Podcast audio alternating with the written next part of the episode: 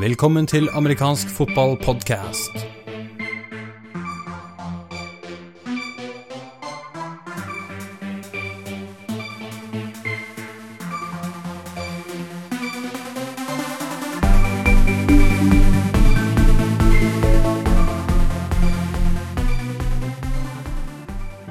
Velkommen til denne spesialepisoden av amerikansk fotballpodkast. Dagens episode er i sin helhet tilegnet Oslo Vikings 1986 til 2016, 30 år som klubb.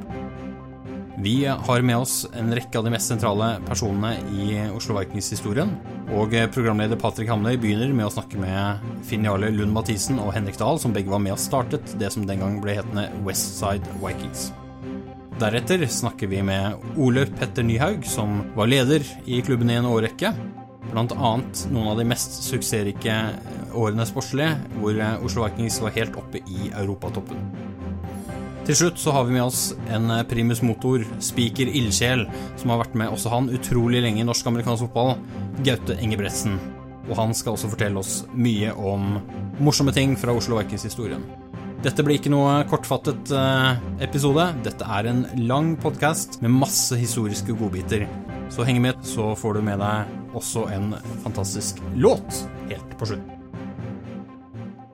Hei og velkommen til amerikansk fotballpodkast. Denne podkasten skal skille seg litt ut i forhold til de andre podkastene vi har gjort i år. Vi skal nemlig være med å feire Oslo Vikings sitt 30-årsjubileum. Og i den forbindelse så har vi en ganske skal vi si, fullt studio i dag. Altså Som alltid har jeg med redaktør av fotball.com, Jarle Magnus Henriksen. Velkommen. Takk for det. Men i tillegg til det så har vi to av de som var med å grunnlegge Vikings for nå 30 år siden. Finn Jarle Lund Mathisen, velkommen. Takk, takk. Og Henrik Dahl, velkommen til deg. Takk skal du ha. Takk. Begynner med deg da, Henrik. Dere var jo, idet denne podkasten spilles inn nå, på en uh, onsdag kveld, så har dere vært og feiret 30-årsjubileet i Tønsberg i helgen som akkurat var, tre dager til ende. Hvordan var festen? Festen var, den var storslått, morsom. Sitter i kroppen ennå, kjenner jeg. Så det var det var i god gammel Viking-style med, med godt humør og med masse priser. Det var både årets priser og det var en del personer som ble minnet opp under. Og så gikk, gikk vi gjennom litt historikk med taler fra diverse presidenter og, og, coacher og folk som har hatt litt med styre og stelle å gjøre i Vikings oppover i tiden. Da. Og, mye, mye, morsomt som kom ut av det. Mye, mye minner som plutselig dukker opp. og Kanskje ikke alt som egner seg på en podkast, men, men, men, fremdeles veldig bra. men, så du sier det er mange som har vært innom i løpet, av, i løpet av 30 år. Skal, altså, hvor mange var dere på, på denne festen? På den festen så var vi 80 til bords. 80 stykker. Det er et uh, anstendig tall å, å, holde styr på. Ja, jeg syns jo det. Det var vel 60 stykker sånn, tror jeg. 50-60 som kom nedover på fredagen, og resten kom på lørdagen. da.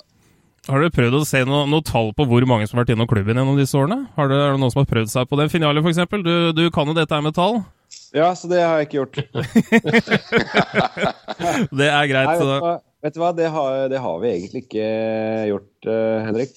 Så vidt jeg kan huske. Men, men det er jo Hvis vi skal telle alle som har vært gjennom, så er det flere tusen. På alle nivåer. Hvis vi tenker styre, spillere og alle årstall på de 30 årene, så så blir det fryktelig mange. Det, det, blir en del, absolutt. Og i det, hva skal si, det året dere valgte å sette i gang med dette her, da nå er vi tilbake til, til 1986, så var dere unge, lovende, og bestemte dere for at nei, nå starter vi en amerikansk fotballklubb. Fortsett med deg, da, Finn Jarle. Altså, hva, hva, hva var motivasjonen for 30 år siden? Nei, det startet jo for min egen del i 83, hvor vi spilte Oslo Handelsgym, Ullern, Ris og Berg hadde skolelag. Og serien på en måte hvert år endte opp i russekampen, som vi kalte den. Så da fikk man mulighet til å smake på amerikansk fotball. Vi spilte da serien gjennom, gjennom året, og så avsluttet vi med finalen. Og jeg gikk ut som russ i 85, så det ble vel 83-84-85 på meg. Og gjennom det, den perioden der så ble vi kjent med mange hyggelige mennesker. Både senere Troll-spillere og senere Vikings-spillere. Og eh, når vi da gikk ut av eh, Handelsgym, som jeg og Henrik gikk på, så fant vi ut at dette her er jo altfor kult til å slutte med. Trolls hadde så vidt begynt å rote med amerikansk fotball allerede, året før oss. Og eh, i mars 1986 så havnet vi i stua til Henrik og fant ut at dette må vi bare gjøre, gjøre mer av. Dette er altfor gøy. Dette er det morsomste vi har gjort noen gang. Og eh, Henrik og jeg og eh, et par til fra litt andre skoler, vi startet da først eh, egentlig Oslo Raiders, som vi ble hørt med i første omgang. Takk, der fikk vi svaret på det. For vi har lurt litt på det. Var det Oslo Raiders, eller var det Oslo Riders? Ah, det, må jeg, det, det, det må jeg korrigere. For det vi Ja. kalte, kaltes jo Oslo Raiders på Handelsgym. Men eh, det vi, det vi stiftet i, i Det er riktig. 86 i mars i stuen, det var Westside Vikings. Ja, ja, ja. Det er riktig. Ja. Eh, hvilket vi da gjorde. Og eh, fikk med forholdsvis eh, ja, mange spillere, kan vi ikke si det her i forhold til hva vi had- har av stab i dag, men, eller spiller i dag. Men vi, vi klarte nå i hvert fall å stille lag. og Mange av oss spilte begge veier. Og dette utviklet seg ganske raskt egentlig til å bli en større og større klubb. Vi fikk jo grusing av Trolls, og det suste de første årene. Men eh, en bratt lærekurve for, for så vidt. Men, men spilte dere kun mot Trolls, eller hadde dere andre skolelagene, eller hvordan gjorde dere dette her? Nei, du, det var, det var vel egentlig bare eh, Westside Vikings som i første omgang kom ut fra rene skolelag. Mm. Vi spilte jo da mot andre lag også, men serien var ikke veldig stor. Jeg tror vi var fire lag i begynnelsen. Tre-fire lag. Og, eh, men det var Trolls som var på en måte hovedrivalen, i og med at de var eh, det beste laget på den tiden. Helt klart den du strakk deg etter for å slå. Men, men hva, hva var da motivasjonen, Henrik? Altså, dere, Trolls eksisterte jo på, på det tidspunktet her, men, men dere, ville alltid, alt, altså, dere vil altså starte deres eh, egen greie. Hva var anledningen til det? Nei, det var vel den, eh, det var vel den eh, vennegjengen vi var eh, fra de som, som eh, hadde spilt litt sammen på, på skolen der sånn og eh, tenkte at vi må trenge å, å få, noe, eh, få noe fight mot de gutta som, eh, som hang der borte, liksom. Da var det jo, var det, det, vi, vi fikk jo som øre hang vi spilte mot de, så både, på, både mm, verbalt og fysisk, så så, så det, det ga jo motivasjon nok det til, til å klare seg å banke de. Det var det. Så eh, Nei, det var lyst, lyst til å starte noe eget, da. Jeg synes det. Var det noe, var det noe andre lag på, på den tiden her? Vi har eh, foreløpig Vikings, vi har Trolls. Var det noen, var det noen flere? Jeg mener at Kolbotn eh, Kodiaks at de startet opp i 87, tror jeg. For vi hadde jo besøk av uh, St. Olaf College i uh, 87. Og da, var det, da, spilte, da var vi jo litt sånn sammenslått lag med Kolbotn også.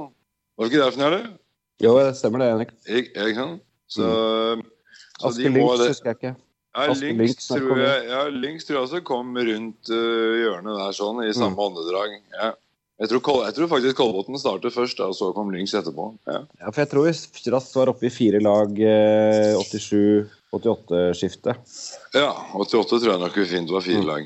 Vi holder oss litt grann på, på 86 enda, for her har dere nå startet eh, en klubb, og ja vel, hva gjør vi nå? Her snakker vi da tiden way før internett. Jeg, tror jeg er litt usikker på om Telex fantes en gang.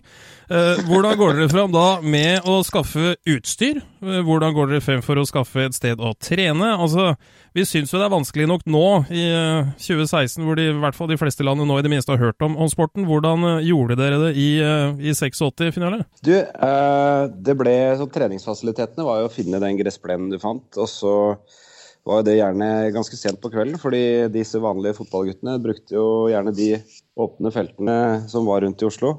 Så da ble det sent, og det ble med Belysningen var på en måte alle bilene som ble oppstilt, og hovedlyset på flate, flate batterier når vi skulle hjem. Ehm, så det var, det var eh, utstyr. Hadde vi fått eh, på en måte tatt med oss en del fra, fra skolelagene, for de kollapset vel egentlig etter det. Eh, videre fikk vi bestilt via kanaler i USA og sånne ting. Eh, Skole, skolelagene kollapset etter det. Var det en sammenheng mellom at klubblagene startet opp og at skolelagene forsvant, eller hva, hva tenker du om det? Ja, det er jeg ganske sikker på.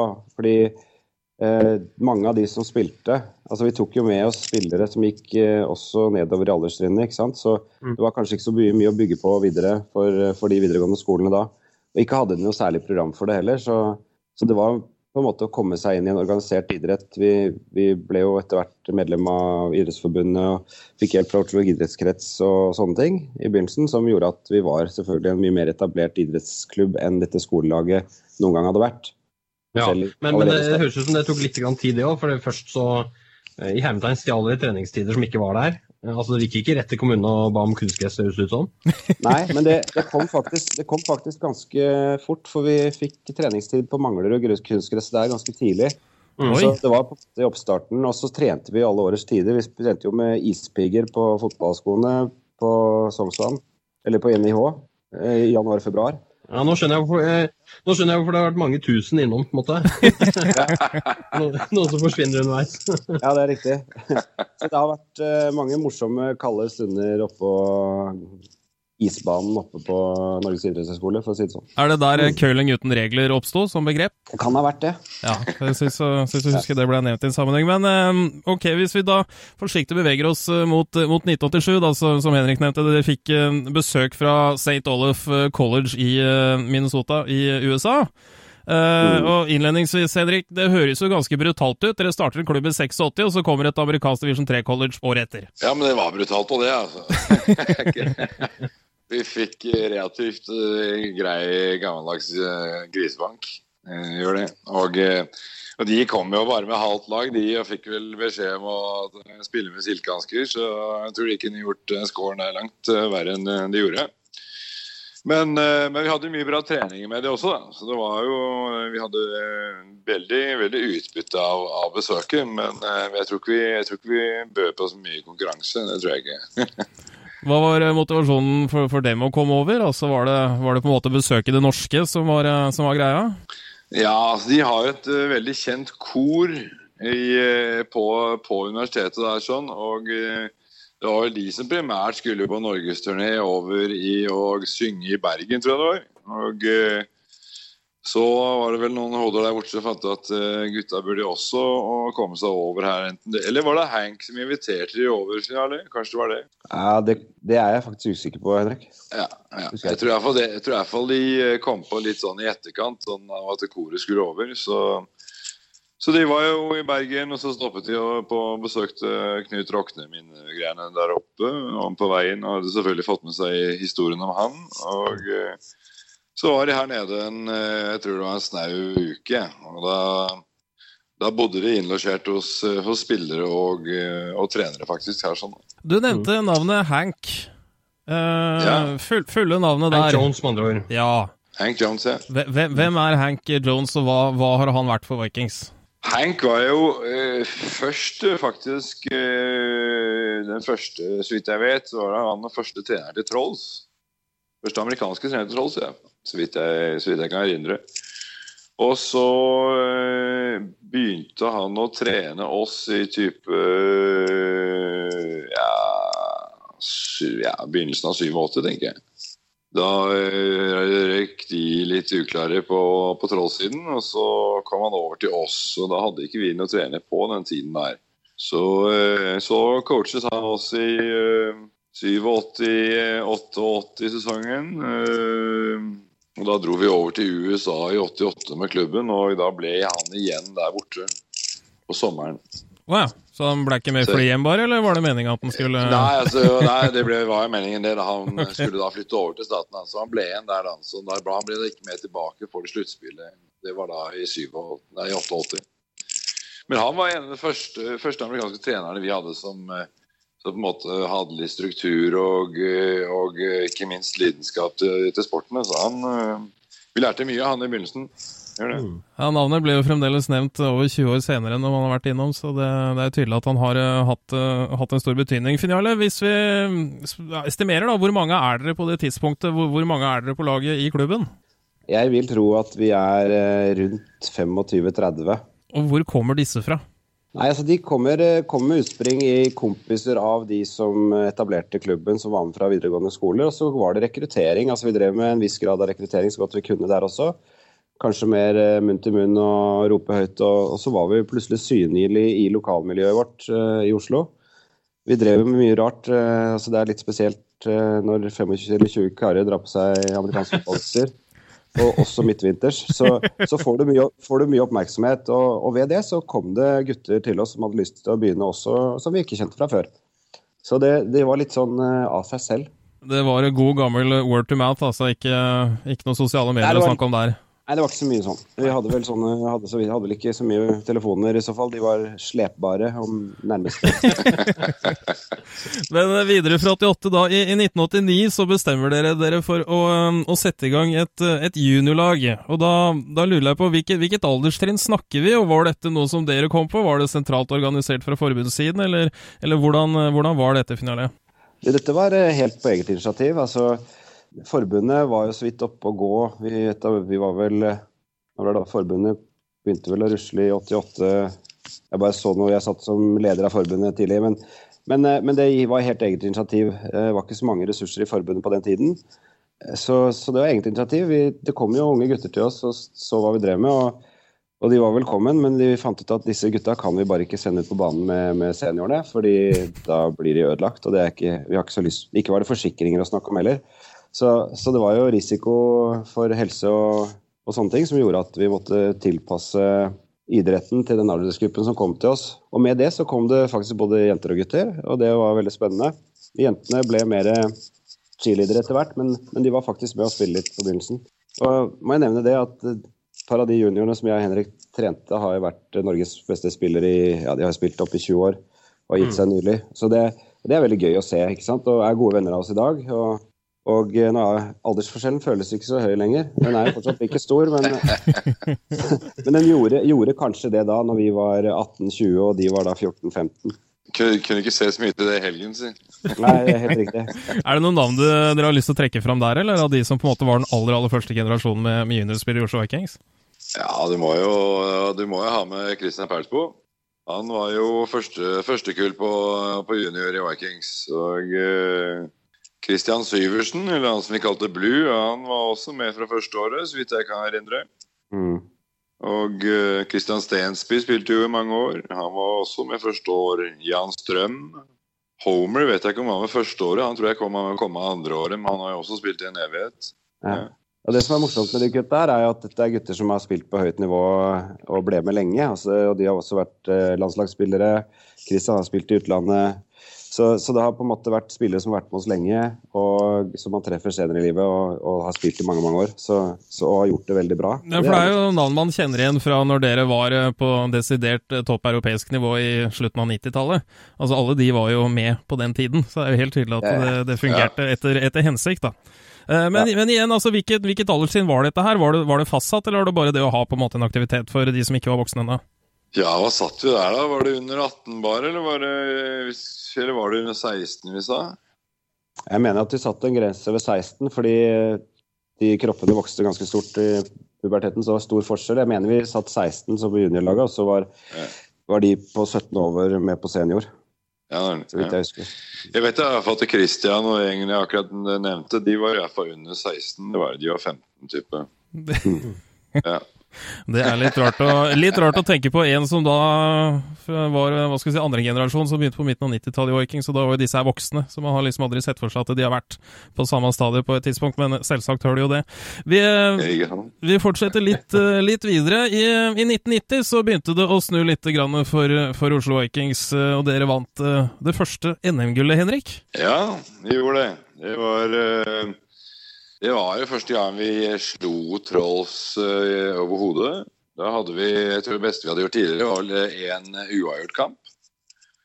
Så, uh, og vi tapte jo, tapte begge seriekampene, men uh, den selve finalen her, den var en, det var en thriller som vi klarte å dra i land helt på slutten der. og da hadde de vel eh, ja, de hadde i hvert fall fire forsøk på, fra år fem yard line helt på slutten som vi klarte å stoppe før klokken rant ut. Så det var en, eh, det var en liten gysere.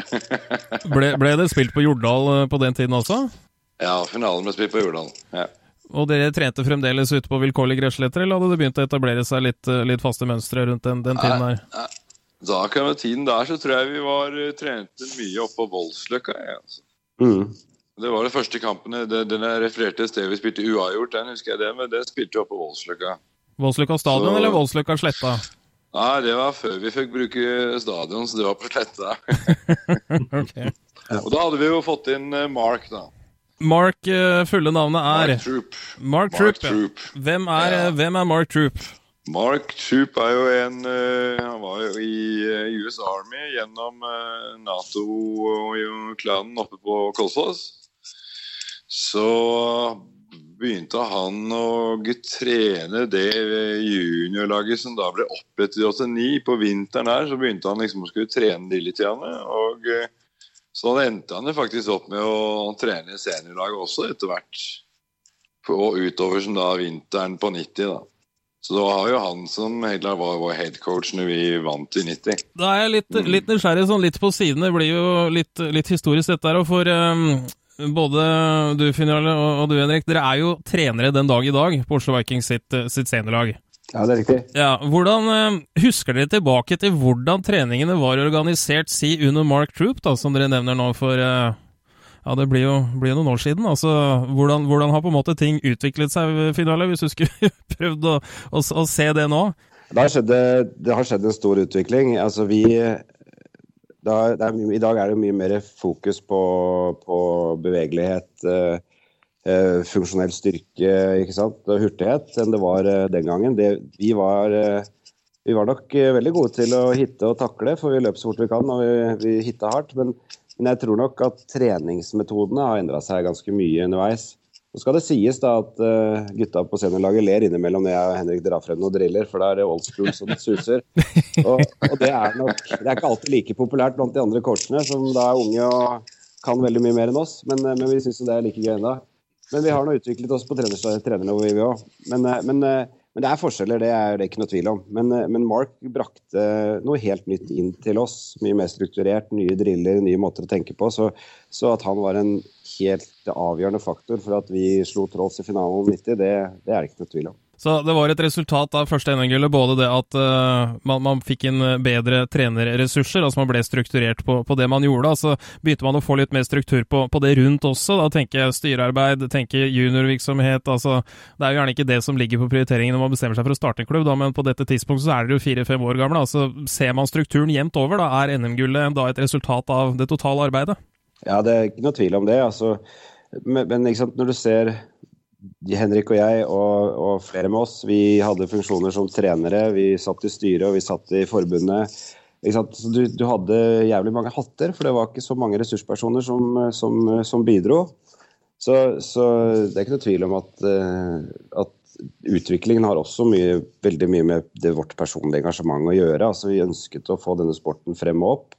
Eh, både på klubbnivå og, og, og, også sporten generelt. da så syns jeg det er verdt å nevne i, i åndedraget med Trolls, da, så, så, er jo det gutter fra den tiden som både jeg og Henrik og mer flere av oss har blitt veldig glad i. Vi spilte på forsterket Trolls-lag i utlandet. Vi, vi, var med de ganske mye på turer. Vi spilte masse kamper sammen med Trolls, altså utvalgte spillere fra Vikings når de var ute. De var litt tidligere opp og frem enn vi var. Så vi fikk jo masse erfaring ved å få lov å være med Trollsgutta. Når vi spilte mot hverandre, så var det selvfølgelig knallhardt, og det var rivaleri, og det var eh, både, både, ordbruk og det som var. Det var knallhardt, men, men, av banen. Og når vi var ferdig, så var vi gode venner. og jeg har mange hyggelige, morsomme De gjør seg heller ikke på podkasten, men, men, historier om Trolls og turen og rundt omkring i Skandinavia og sånn. Så ja, det popper opp mange bilder i hodet jeg ikke har lyst til å nevne nå. Nei, men da skal jeg ikke prøve å, å dra det ut heller. Men poenget mitt er, er, på en måte å fortelle at det, det fantastiske båndet som ble skapt mellom uh, Trolls og Vikings den gang, det har på en måte eksistert i alle år. I hvert fall for meg og Henrik personlig. da. Mange gode venner. Mm. Helt klart så var det jo De, de, de, de var, var, jo veldig tidlig strukturert, så de ble jo litt sånn eh, foregangsfigurer for, for, oss og hvordan vi strukturerte Vikings også etter hvert. da. De, de gjorde mye riktig tidlig, så vi, så vi adopterte og fikk en del Fikk nok eh, noe gratis der sånn. Men akkurat når det kom til den finalen vi vant i 90, så var nok eh, var nok Trolls på mange måter et mye bedre organisert lag. og Eh, totalen av Trolls. Det er en grunn til at de vant de to første kampene. på å si det sånn. Den finalen vi vant der, den var, det var eh, Der var det mye sjel og blod og svette, kanskje fremfor uh, talent person for, eller spiller for spiller. altså. Hvis vi nok en gang er tilbake til 1986, og for så vidt 87 også Men i alle dager, da? Ja, men Jeg er så nysgjerrig på den begynnelsen, for det, ja, det, er, det, er, der vi mangler fullstendig. Det er der ja. vi ikke var til stede i det hele tatt. Eller vil si, eh, vi var sannsynligvis på barneskolen og hang rundt. Eh, mulig at du var i barnehagen, Patrick, det husker jeg ikke. Nei, barneskole, faktisk. Akkurat. Ja, ok. Sneket inn, ja. Eh, men, men eh, hvor, hvor, får man kunnskapen om idretten fra? Hvor, eh, Altså, her er det ikke noen internettsider som Patrick var inne på å gå inn og kikke. Det, det, bestiller man bøker, ser man filmer? Snakker man med folk som har erfaring som man tilfeldig kom borti, eller hvordan er dette her? Det er vel litt sånn uh, litt blandet. Det er jo en del, uh, en del mer eller mindre kvalifiserte amerikanere som, som vi har plukket opp en del ifra. da. Mm. Som har vært innom og enten vært med og spilt, og kanskje både spilt og hjulpet til å trene, liksom. Som, eh, som har eh, Noen har jo vært uh, veldig gode fotballspillere og vært spilt og organisert, og andre har kanskje ikke vært fullt så gode, men, uh, men uh, fått, fått, mye ut av det. Så var det jo en stund vi måtte kjøpe litt bøker også. Så hadde vi jo PA Gullø da, på TV3. De sendte jo De sendte jo NFL, så det var jo, det var jo, stort. Det var kanskje en uke gammel kamp. men det, Hvis vi bare liksom eh, droppet å kjøpe US, USA Today, så slapp du å få med deg scoren. Ja. Så. Mm. så det nevnes da, Jarle Magnus, at eh, det er veldig lenge siden, men de trykket også bøker på den tiden. Det er lenge siden de begynte med det. Så det var mulig, det var mulig å få tak i lesestoff. Ja, På Amazon, mener du? Nei, ikke, ak nei, ikke akkurat der. Så, det, det er jo et legitimt poeng. Altså, hvor, hvor kjøpte man ja. bøkene? Altså, hvordan, altså, nei, det var noe som het bokhandlere. Altså, ja, men de tok da vel ikke inn amerikansk fotballbøker på midten av 80-tallet?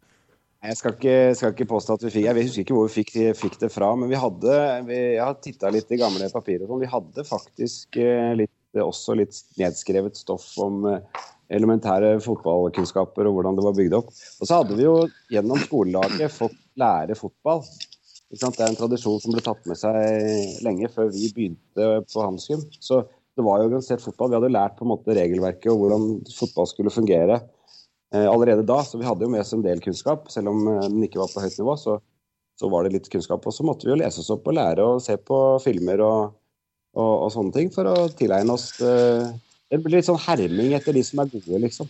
Mm, og så hørte jeg Henrik nevnte dette med mer eller mindre kvalifiserte amerikanere. Den bemerket jeg også, så den var jeg litt spent på om du skulle ta opp. Kom igjen. Jeg kjenner meg litt, kjenner meg litt igjen i. Eh, for det er sånn at eh, Oi, de har rett eh, dialekt, på en måte. De snakker korrekt. De må jo vite et eller annet. Ja. og så varierer det noe voldsomt. Har du noen interessante historier der på folk som har vært innom, eller? Eh, ja, det har, det har, vi helt klart. Men jeg tror ikke jeg skal nevne noen navn på noen. Men, eh, men det er jo utvilsomt noen med et amerikansk pass som, som, ikke har spilt så fælt mye amerikansk fotball, men som har klart å skryte på seg veldig store evner. Mm. Men, eh, men de, de, de, bruker ikke fælt lang tid på å avsløre dem. Da. Det gjør man ikke. Men, Nei, de forsvant fort ut igjen. Ja, det gjør det. Jeg lurer på hvor stor den ydmykelsen er, når du ikke engang klarer å spille fotball i Norge på 80-tallet. Altså, da Jeg må få lov å, bare få lov å fortelle, skyte inn en liten ting der. Vi, altså, hvis man, hvis, det var ikke så innmari Vi var vel kanskje ikke så omtenksomme, men vi, vi, for å beholde eller ikke beholde, skulle bli spiller eller ikke spiller, komme ned med på laget eller ikke, så kjørte vi noe som het Dahl-testen. Og det, okay. det var opptak, Opptakskravet var, var egentlig var korridoren som vi kjørte. og så måtte man da møte de hardeste og tøffeste og kuleste gutta på laget. Og hvis du sto oppreist til trening, så fikk du være med på neste. Så enten så gikk det mellom halen og beina, en hjernerystelse, eller så, så, så, ble det seg videre. Og det, det, var ganske hardt og brutalt og ikke så veldig omtenksomt når jeg ser sånn i ettertid, men det var noe sånn det fungerte en stund. Da. Ja, altså fungerte det? Pedagogisk kanskje ikke helt lurt. Nei, og, det, og derav så røyk jo også et par amerikanere tilbake til statene. Det var ikke alle som var like flinke til å spille fotball av de heller. det, det interessante å merke her er at eh, det er sånn eh, Idéhistorisk så har jeg merka at det er flere klubber som har vært på samme nivå samtidig eh, og gjort liksom samme type grepene. Ja, og, og, det er sånn heads, heads up-kampanjer som foregår nå, det var nok langt fra tankene den gang, vil jeg tro. Ikke akkurat. Vi spilte, vi spilte Vi hadde jo vi, De nye fikk jo bandyhjelm. Så det, hadde, så det var ikke Utstyret var ikke helt på plass i begynnelsen på alle. Vi var jo veldig fornøyd, vi som hadde pads og amerikansk fotballhjelm, selvfølgelig. Syntes vi var dritkule. Og så var det ikke så kule, de som hadde bandyhjelm. Men det var noen, var noen av de med bandyhjelm som ble med videre, altså skal sies det. Mm. Å, herregud. Ja, men det fine, Jarle Magnus, at det var jo ikke hjernerystelse fantes ikke på den tiden. Det er en sånn nymotens greie som har begynt nå. Nei. Så... Jeg sitter og tenker litt på det, da, at, at sånne ting For jeg har jo vært trener noen ganger selv òg. Uh, og det er jo ting man lærer ved Altså Man lærer forsiktighet av og til på feil måte ved at man, man oppdager at oi, det var ikke så lurt å sette de to sammen i den drillen.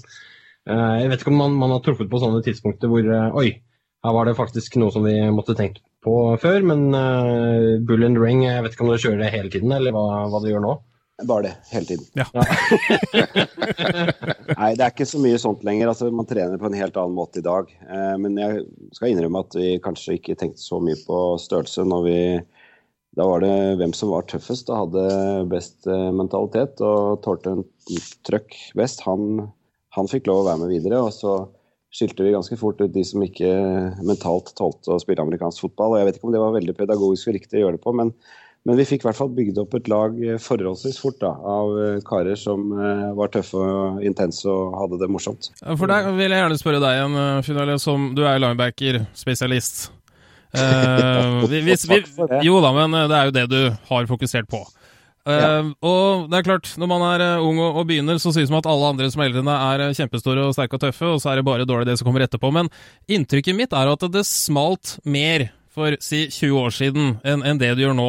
Jeg vet ikke om det stemmer. Jeg tenker Om noen kan bekrefte eller avkrefte det, så er vel du en av de? Jeg tror, eh, jeg tror at det smalt veldig bra for 20-30 år siden. Det, det, det, husker jeg veldig godt selv. Eh, det skrangla så det suste. Og, men det jeg tror, at det har skjedd en del på utstyrsfronten. Og så fokuserer vi i dag treningsmessig på en helt annen måte. Altså vi trener mindre kontakt eh, når vi er ute av sesong. Og så tar vi opp eh, full kontakt eh, på en måte, annen måte når vi nærmer oss eh, sesongstart. Så vi trener mye mye mer takleteknikk enn vi gjorde i gamle dager. Type, hvis vi snakker linebacker-takling, da. Og, og, den type forsvarsspill, så, så, trenger vi mye mer teknikk, slik at vi faktisk gjør taklingen riktig og mer effektivt enn vi gjorde det før. Tidligere så var det jo bare løp så fort du kan, og så hardt du kan, og så jeg med at den dratt, tøffeste mannen vant, liksom. Eh, det er ikke alltid sånn det funker i dag. ikke sant? Vi har, eh, vi har gode, gode, prosesser for å lære gode teknikker for å bli en god linebacker f.eks., eller en DB. Som gjør at eh, det smeller nok like godt innimellom. og Det smalt bra, bra for 30 år siden òg. Men, men, du hører litt bedre gjennom en bandyhjelm. Det virker jo, virker jo selvfølgelig mye hardere. Men, men det var, var, tøffe tak for 30 år siden. og Vi gikk ikke av veien for en treff, men i dag så så er vi nok mye mer tekniske når vi spiller spillet vårt. Det er jeg ikke noe tvil om. Jeg tror, det, jeg tror, de, jeg tror de gjenspeiler veldig godt også hvis du ser på running-backene spesielt. da. Så var det sånn i gamle dager, så var det mye mer Det var mye, mye mer tog som kom kjørende. Det var ikke så mye finter. Det var jo, det var jo egentlig først Nicolai av running-backene av de gamle dager som hadde noe, hadde noe mus og kunne snu på, snu på tieren og, og, og, slippe unna med touchdown, liksom. Så klart det, det, gjør nok litt mer gjør, gjør nok en del mer med takle måten også. Det blir ikke så mye bare headbanging, for du må være litt mer i, litt mer i kontroll for å kunne ja, ta, ta av fintene, rett og slett. Så både det at det spillet har utviklet seg da fra å være tre yards og en eh, støvsky liksom, til å bli mer sprede ut teknisk, ja. det har også vært med på det? Skal jeg si, altså jeg tror nok ikke The passing gamet var ikke hovedfokus uh, for 30 år siden. Vi, vi passa litt, men vi var ikke så gode på det. Så man spilte mye tøffere fotball uh, rett opp og ned langs banen, på en måte, og var ikke så flinke til å spre det ut. Uh, så, så, det var hovedfokus på the run game, og det, med det så fulgte tøffe, store linebackere som var best til å løpe rett frem og knuse en running back som ikke hadde kanskje så mye mus, som Henrik sier så har det jo utviklet seg veldig etter hvert. da. Så vi må ha blitt mye mer atletiske hele veien. Hele, hele lagdelen, mener jeg, da. Mye mer atletiske enn de var før. Og Da kommer vi til 1992. Eh, da har dere da vunnet eh, NM-gull for, eh, for, tredje året på rad. Og dere bestemmer dere for å ikke lenger hete Westside Vikings, men å, å bytte navnet. Henrik, hva var det nye navnet, og hvorfor?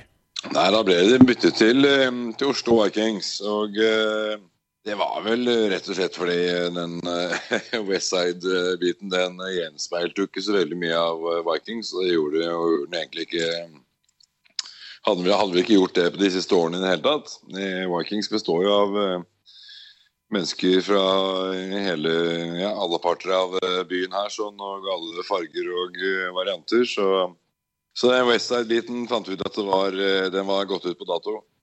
Så, eh, så da, derfor ble det Oslo Vikings. Så noe, dere fikk ikke noe tilhørighet noe nytt sted, altså fremdeles Voldsløkka og, og der, men uh, fant ut at vi skulle favne bredere. Ja.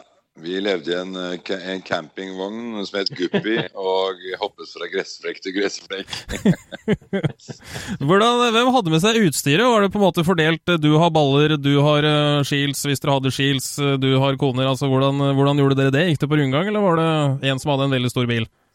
Nei, Det var litt forskjellig, ikke avhengig av hvilket år man snakker om, men rundt den perioden der sånn, så hadde vi sagt en, en campingvogn som vi fikk eller kjøpte av min søster og svoger. En eh, gammel, fæl greie, men som vi bare rev ut all, alt inventaret. og eh, Der putter vi inn eh, dummies og pads og hjelmer osv. Så, videre. så vi brukte det som en lagergreie. og...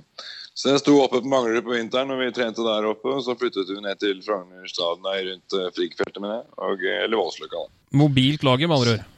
Mobilt lager, ja. Så, så det så ut som en ordentlig lekker bisk. 1994 så bestemmer dere dere for å begynne å konkurrere internasjonalt i noe som på den tid het eh, Hydro Texaco Bowl. Um, hva, hva var dette? Ja, hva var det? Eh, det, var vel, eh, det var vel eh, rett og slett en turnering som, eh, som vi startet nede ved Det var vel på Roskilde, hvis ikke jeg husker feil. Eller var det Herle? Nei, Roskilde, tror jeg. Tror det var Herlev. Det var Herlev, ja. Ok. Ja. Og, og der inviterte de da en, åtte-ti lag rundt omkring i Europa. Så spilte man litt sånne cup, litt kortere kamper. Og, eh, men flere kamper. Og eh, i 94 var vel da vi Det var vel da vi vant den, tror jeg. Var først, vi vant det første året, i hvert fall. Vi var med, vi var med to tror vi var med 94-95. Ja. Så første gangen dere måler krefter i, internasjonalt, for å bruke det begrepet, så vinner dere hele, hele greia. Det må, det må ha gjort litt for, for selvtilliten? Ja, jeg tror det var, eh, var en god boost, det. Eh, Men jeg er vel redd vi i forkant av det hadde fått en på kjeften allerede, altså sånn internasjonalt. For vi hadde, jo, vi hadde jo vært i Finland og, eh, og spilt mot Helsinki. Og det var jo etter at vi hadde Det var etter at vi hadde vunnet en av finalene. Det var 93, Henrik. Det var 93, ja, riktig. ja. Og eh, vi fikk jo eh, Ja, det flagra bra da. jeg husker ikke, jeg husker ikke hva scoren var, men det var ikke en tett kamp, for å si det sånn. Nei. Ja, det var, var min siste sesong. Da spilte jeg spilte jo callback de siste sesongene mine. Og, og eh, for å si det sånn, jeg, jeg har aldri fått så mye juling på fotballbanen som jeg fikk i, i Helsinki. Hadde du bestemt deg på forhånd at det ble den siste sesongen, eller var den kampen utslagsgivende? Nei, det var den ikke, men det hadde litt med helsa og kroppen å gjøre. Og så, så jeg gikk, Det er ikke en sånn naturlig, naturlig overgang fra linebacker til quarterback. så, så kan du si at vi vant i 92, og jeg tror jeg fikk en særdeles ufortjent MVP som quarterback da, men, eh, men jeg var ikke veldig god, altså. Nei, nei, men eh, Jo, har du den. Nei. Eh, Jeg kan jo røpe at eh, min første NM-finale som tilskuer var jo i 1993, og da var jeg finale quarterback da, for eh, Oslo Vikings mot et heller dominerende Trolls. Ja, da sto det til og med VG dagen etter. Kanskje det var det som var det avgjørende før jeg la opp, men, men da, da sto det i VG at uh, quarterbacken til Vikings kastet konsekvens til motstanderne. Det var jo kanskje ikke Det var ikke usant. Det var jo helt sant. Nei, men det er, vel, eh, det er vel nå dere på en måte begynner å, å ta litt, eh, litt pauser det. Men jeg, jeg får lyst til å spørre, da. altså Når du da Finale, du ga deg da i 1994, var det det vi landet på? Ja, jeg satt veldig vel i styr og stell ut 94-95. Ja, og da var det, vil jeg anta da at det var en del av de, de som var med å dra i gang dette her en del år før. altså Det begynte på en måte Vi fikk kanskje noe som lignet på et generasjonsskifte rundt den tiden. Kan det, kan det stemme? Ja, det stemmer jo. Altså, vi hadde jo da krefter, de litt yngre kreftene som hadde vært med en stund. altså Wilhelm og Ole Petter, Kristian Perlsbo. Det var flere som engasjerte seg, på en måte. og og, og, godt var det. Altså det, det, altså det, går litt sånn motivasjon og ork og sånn går litt opp og ned i bølger. og Noen ganger så skal man slippe til yngre krefter, og det tror jeg var helt riktig. Eh, selv om eh, Henrik har vært med hele tiden. Jeg hadde en liten pause. Men, men, da var det flere andre som steppet opp og dro eh, Vikings videre i henhold til den visjonen og det vi ønsket på en veldig veldig god måte. Og De er jo fortsatt en stor del av klubben i dag og hjelper oss. Vi er, vi er, vi er en familie som har jobbet sammen i utrolig mange år. Men da var det de som på en måte kom på banen og, og, og styrte og stelte med det som var. Ja, for det, det, er jo det som jeg syns er litt imponerende i dette, og det ble jeg litt bevisst på når vi, når vi snakker sammen nå. Altså, de, de, aller fleste klubber så vil jo generasjonsskiftet gjerne da tilsi at man får en, en liten dipp. Men, men, Vikings fortsatte jo bare å bli bedre og bedre, og det toppet seg med da en eh, sjetteplassrankering på, på, altså av alle europeiske lag. Så, så, noe riktig må dere ha gjort underveis der, for at uh, man, man, merket jo ikke noe til det annet enn at alt ble veldig mye bedre. Jeg tror det er sånn i, i de fleste idretter som får lov til å vokse, så, så har du lagt et bra fundament og fått uh, riktig mentalitet og kjærlighet til det du driver med, så, så, smitter det over på de andre som er der. Og, og, det tror jeg bare var en videreføring og et resultat av det som ble starta, som vi jobbet med hele tiden, var at uh, det smittet over på de andre, og de gjorde det enda bedre og på en måte har klart å bygge klubben uh, til det det er i dag. Og det har på en måte gått sakte, men, men det har skjedd bra ting hele veien, selv om ikke det alltid resultatmessig har gått riktig syns det er verdt å nevne et, uh, nevne et par personer her som, som var med å, å, drifte klubben det siste halvåret på, eller siste, siste fem på 90. da. Det var jo, det var jo kanskje Ole Petter og uh, Wilhelm og Gaute og, og, og, en del sånne personer som, som turte å tenke da, større enn hva kanskje en del av oss gamlegutta turte. Vi var liksom eh, på mange måter så det, Hadde vi tatt uh, skalpen til Trolls og, tatt norgesmesterskapet, så, var, så var det kanskje det vi innerst inne trodde at vi hadde noe å, å, å deale med. Men uh, disse gutta her de mm, turte å, turte å tro at vi hadde noe ute i Europa å gjøre. og og uh, satset og fikk folk med på, det, med på den troen der. Og, og det, det, gikk jo, det gikk jo veldig bra. Så skal det sies at uh, disse gutta Henrik nevner, er ikke bare, det var ikke bare hjertet, men det er også mye kunnskap. ikke sant? Hvis du tar William f.eks., som er ekstremt kunnskapsrik på alt som har med idrett å gjøre, og prestasjoner og, og, slike ting, som har på en måte vært ansvarlig for sportsplanen vår på et høyt nivå. Og vi har ikke alltid klart å, å oppfylle den, uh, den visjonen, men vi har hele tiden hatt noe å strekke oss etter da, i henhold til de retningslinjer som William har lagt. Han, han, har jo ekstrem kompetanse på det og er den som er ansvarlig for det, denne klubben den dag i dag.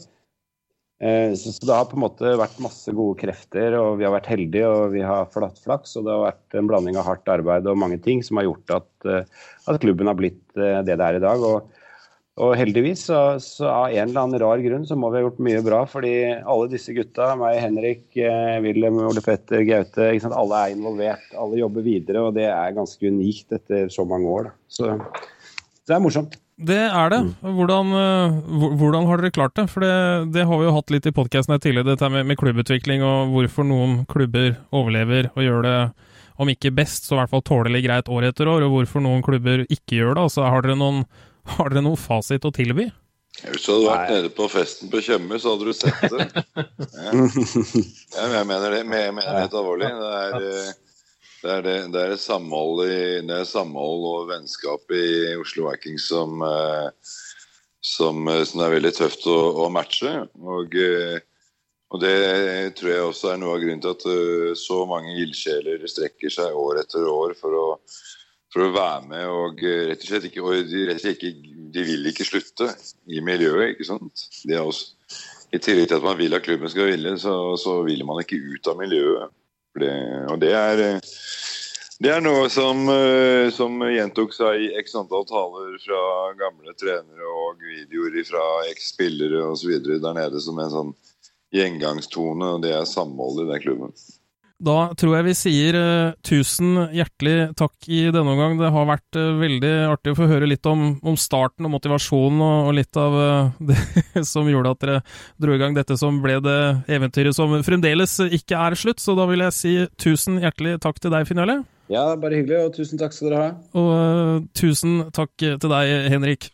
Bare hyggelig. Takk skal dere ha. Det var altså klubbens stiftere Henrik Dahl og Finn Jarle Lund Mathisen. Nå skal vi snakke med en eh, sentral figur eh, som leder i mange år, nemlig Ole Petter Nyhaug. Og videre her i amerikansk fotballpodkast Vikings 30-års spesial skal vi ta for oss eh, perioden eh, fra midten av 90-tallet og overgangen inn i et eh, nytt årtusen. I den sammenheng har vi fått besøk av Ole Petter Nyhaug, tidligere leder for Oslo Vikings fra 94 til 2001, og også spiller gjennom flere år. Ole Petter, velkommen. Takk for det. Når, når begynte din amerikansk fotballkarriere? Begynte da jeg var 17 år, eh, i 87. Da hadde faren min blitt kjent med han som da var trener på, på Vikings, Mark Troop. Så da begynte jeg å spille i 87 og holdt på i ja, 15 år. Eh, fram til eh, rundt 2000, årtusenskiftet. Og da spilte du hele veien, eller? Ja, de 15 åra så spilte jeg. Spilte jeg først eh, sju-åtte uh, år, sju år som eh, guard på, i O-line, og så spilte jeg et par år som fullback, og så var jeg fem, fem år som linebacker på slutten fra ja, 95 til 2000 uh, rundt der. Så uh, ga jeg meg noen kneskader og dårlig tid og sånne ting rundt 2000-2001. Det er klart 15 eh, år på en amerikansk fotballbane, det setter sine spor eh, sånn rent, eh, rent fysisk. Hvordan, altså, hva var det som gjorde at du festa deg ved amerikansk fotball? Da? Hva fikk deg til å En ting er å begynne, men å holde på så lenge? Nei, altså, Hvorfor jeg holdt på, det, og hvorfor jeg fortsatt holder på Jeg er jo fortsatt med i klubben og har vært aktiv der også etter at jeg har slutta å spille. Det er jo, som de fleste vil si, tror jeg, det er jo miljøet og folka. Og det har jeg holdt på så lenge i Vikings at stort sett det jeg har av venner, er uh, eh, henta fra det miljøet der. og da er det som, uh, som, holder oss der, og det man husker og det man liksom uh, oppsøker igjen og, og, igjen og igjen. da. Så det er, jo, det jo folk av miljøet, men jeg likte jo idretten også. Jeg begynte begynte å like idretten da jeg var i USA første gang jeg besøkte familie i, da jeg var elleve år. Så jeg måtte vente, Da, kunne, da var det ikke noe ungdoms- eller barnesatsing, så jeg venta i seks år jeg, før jeg kunne begynne å spille amerikansk fotball. Så jeg var med Trolls for eksempel, til Sverige når de spilte da jeg var liksom 13-14 år gammel, sammen med Josse og Frank og oh, ja, Marius Marcello og Truls og alle de. Så jeg kjente jo dem før jeg begynte å spille fotball, for jeg var for ung til å spille. Mm. Så jeg skulle egentlig begynt på Trolls, pga. det var dem bl.a. blant annet faren min kjente. Men så begynte han, eh, kompisen til faren min å trene Vikings, da, så så jeg endte opp eh, der istedenfor. Da ble det en eh, naturlig overgang eh, den veien. Nå har vi for så vidt hatt Henrik og, og her, og det blir jo litt sånn overlappende i, i perioden vi snakker om her, da. Men hvis vi skal ta for oss den perioden som som du skal hjelpe med å, med å, belyse litt, da, for å si det på den måten. Var den perioden du, du satt som leder. Eh, og Hvis vi tar 1994-1995 som en helhet eh, altså Klubben er på en måte etablert, han er eh, godt i gang, spiller kamper og, og ting ruller og går. Men eh, dere bestemmer dere for å, å, reise utenlands for å spille treningskamper da, både i 94 til Danmark og i 95 til Finland. Du som satt som, som leder da, hva var motivasjonen for å ta med klubben utenlands på det tidspunktet? Nei, Det var jo for å få bedre kamper og for å ha det gøy også. Eh, vi reiste jo til Texaco Ball. Vi fikk eh, invitasjon fra Jeg lurer på om det var noe link mot Thomas Mogensen eh, som gjorde at vi ble invitert ned der. Så vi dro til Texaco Ball, som vi også var med på flere år. Rett og slett for å få litt kamptrening mot utenlandske lag. Det hadde vi ikke hatt så mye av uh, fram til da. Det hadde vel vært i Göteborg og sånt før det. Mm.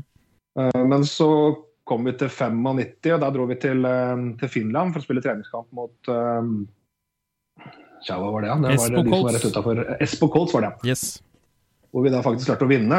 Og det var jo helt sjokkerende for alle, egentlig. Både oss og, og, og finnene, ikke minst. Ja. Så det var stas. Men, men det, vi, det, som var, som var hovedgreia når, Du Nå hadde jo filiale Henrik og, og de gutta der leda klubben lenge og liksom fått skikkelig i gang og skapt et jævlig godt miljø. og, og fått i gang en satsing. Og selvfølgelig da rivalisering mot Trolls, hvor vi ikke hadde klart å vinne noe NM ennå. Så vi var liksom på et punkt hvor vi tenkte at vi måtte gjøre noe. Det var liksom det som var litt min motivasjon også for å gå inn og ta over som, som formann på den tida. Da. Det var at uh, vi, vi, hadde vel bestemt oss i klubben for å løfte oss litt. Så i 95 så, så bestemte vi oss på et styremøte, at, at, og da var vi nest best i Norge, som var et dårlig land i Europa. Mm. Så bestemte vi oss på styremøtet i 95 at vi skal bli eh, et topp ti-lag i Europa innen eh, år 2000. Altså I løpet av fem år så skulle vi bli en av Europas ti beste lag. Eh, og Det var ganske hårete eh, når vi sitter der og ikke er best i Norge engang eh, i, i 95. Så det var liksom starten på den satsinga som eh, virkelig begynte å ta form da. Og vi klarte jo det også. Jeg skal ikke foregripe begivenhet, men vi klarte jo faktisk målet vårt òg. Dere gjorde det, og det er absolutt noe vi skal, skal komme tilbake til. For det, det, var litt artig å høre deg si det nå, da. At det var eh, målet hele veien. For det, det var ikke jeg klar over. Ja, men, det var det. I, ja. 95 så var vi satt, eh, vi vedtok det på styremøtet, har til og med spart på referatet der også. det er, eh, men på den tida som sagt, så var det ganske hårete, men det var det som også var utgangspunktet for at vi da begynte å satse mer internasjonalt. At vi henta inn vår første amerikanske trener og retter, og at vi ja, begynte å orientere oss litt mer ut, uh, ut i verden. Da. Hvilket gir oss en fin overgang inn i, inn i, 1996. altså Denne profesjonelle amerikanske treneren du snakker om, det er da Joe Murava. Ja, det er riktig. Da lurer jeg litt på, altså hvordan på den tiden, for dette er før internett er helt på plass, altså hvordan gikk man fram for å, for å finne en, en trener på den tida? Ja, det, det, det, jeg har tenkt på det sjøl mange ganger også. Hvordan, hvordan gjorde vi det egentlig? Og det, det, var jeg og Wilhelm. da. Wilhelm har jo, vært med hele veien her. ikke sant? Og han er jo, han er jo bakgrunnen helt fra 293 og, og oppover er en aktiv um, sportslig leder i klubben. Så det var William og jeg da, som drev og ringte rundt, rett og slett. Og så hadde vi noen kjente her, noen kjente der. og og det var liksom, Man begynte å nøste litt og fikk noen eh, og Det er jo mye tilfeldigheter. Eh, fordi man ringer noen man kjenner og noen som har vært her før. Og, og da eh, endte vi egentlig opp da med, med Joe Murava, som på det tidspunktet bodde i Los Angeles. Og var manager for en en uh, lokal stjerne i World Wrestling Federation. så han var da manager for en sånn wrestler. wrestler borte. Veldig liten overgang, med andre ord. Veldig liten overgang. Så, jo, så vi hadde ikke sett verken sett den eller, eller snakka med den, annet enn vi snakka med på telefon, hvor han gjorde et godt inntrykk. Og han hadde sjøl spilt på Idaho State, tror jeg. Så det var, det var sånn grei, greit nivå på det han hadde spilt også. Men eh, så veldig mye trenererfaring hadde, trenererfaring hadde, trenererfaring hadde han vel ikke, så han, eh, han kom jo fra wrestling på den tida. Så han kom over, og mm, noe av det første vi gjorde når han kom over, det var å reise rett ut til uh, treningsleir i Bø i Telemark i vinterkulda. Og han tråkka jo ut i, ut i snø opp til knærne, som han aldri omtrent hadde, hadde opplevd før. Det var en grei, uh, grei overgang. Jeg husker han uh, hadde bildet han, Det første bildene vi har av Joe Mirava, står og pisser på en flyplass nede i Telemark. Hvor uh, står og snør, og snøen står litt sånn vannrett bortover, og han bare står her og hater som faen. Velkommen til Norge, liksom. Velkommen til Norge. Men han var jo en riktig trener for oss da. Han var ikke, han var ikke for å være helt ærlig, han var ikke på så avansert nivå at han var for avansert for oss. da. Han var ganske basic, down to earth, veldig god på defense. Gjorde ting uh, veldig enkelt, og det var første gangen vi opplevde at uh, man følte at man var i rett posisjon på banen, og at selve playbooken gjorde at vi blei bedre. For det, det var sånn et uh, nytt nivå, men allikevel ikke så avansert at det blei for mye for oss. Så det var det riktige første steg å ta for oss. Ja, Hvordan hadde dere gjort det før, før Joe kom, egentlig? Altså, coacha dere hverandre? Dere har jo hatt litt de amerikanske Nei, trenere innom. Hadde jo, vi hadde jo Mark Troop, som uh, sikkert Finale og Henrik uh, ja, som Finale og Henrik nevnte. Ja. Men han var, han var, jo egentlig ikke en sånn veldig profesjonell uh, trener, så vi hadde ikke så veldig avanserte opplegg før den tid. Har jo, Henrik har vært trener hos oss, og han var jo også en erfaren spiller. Men, men så hadde vi Joe Løkhaug inn et år, så det har vært litt, litt sånn forskjellig, uten at du har hatt noe sånn ordentlig sånne proffe trenere som var henta inn bare for å trene, og som hadde god erfaring med å trene lag i USA. Eh, Joe hadde jo bare vært på high school, men uh, allikevel så var det mer, bedre enn det vi klarte å gjøre sjøl. Eh, samme år, da, 1996, så eh, beslutter dere i løpet av høsten å bli medlem av eh, Oslo-studentenes idrettslag og gå fra å være Oslo Vikings til å bli OSI Vikings. Husker du litt av motivasjonen bak denne avgjørelsen? Ja, motivasjonen bak øvelsen var ganske enkel. Det var fordi at da bygde de Domus Atletica eh, oppe på Gaustad.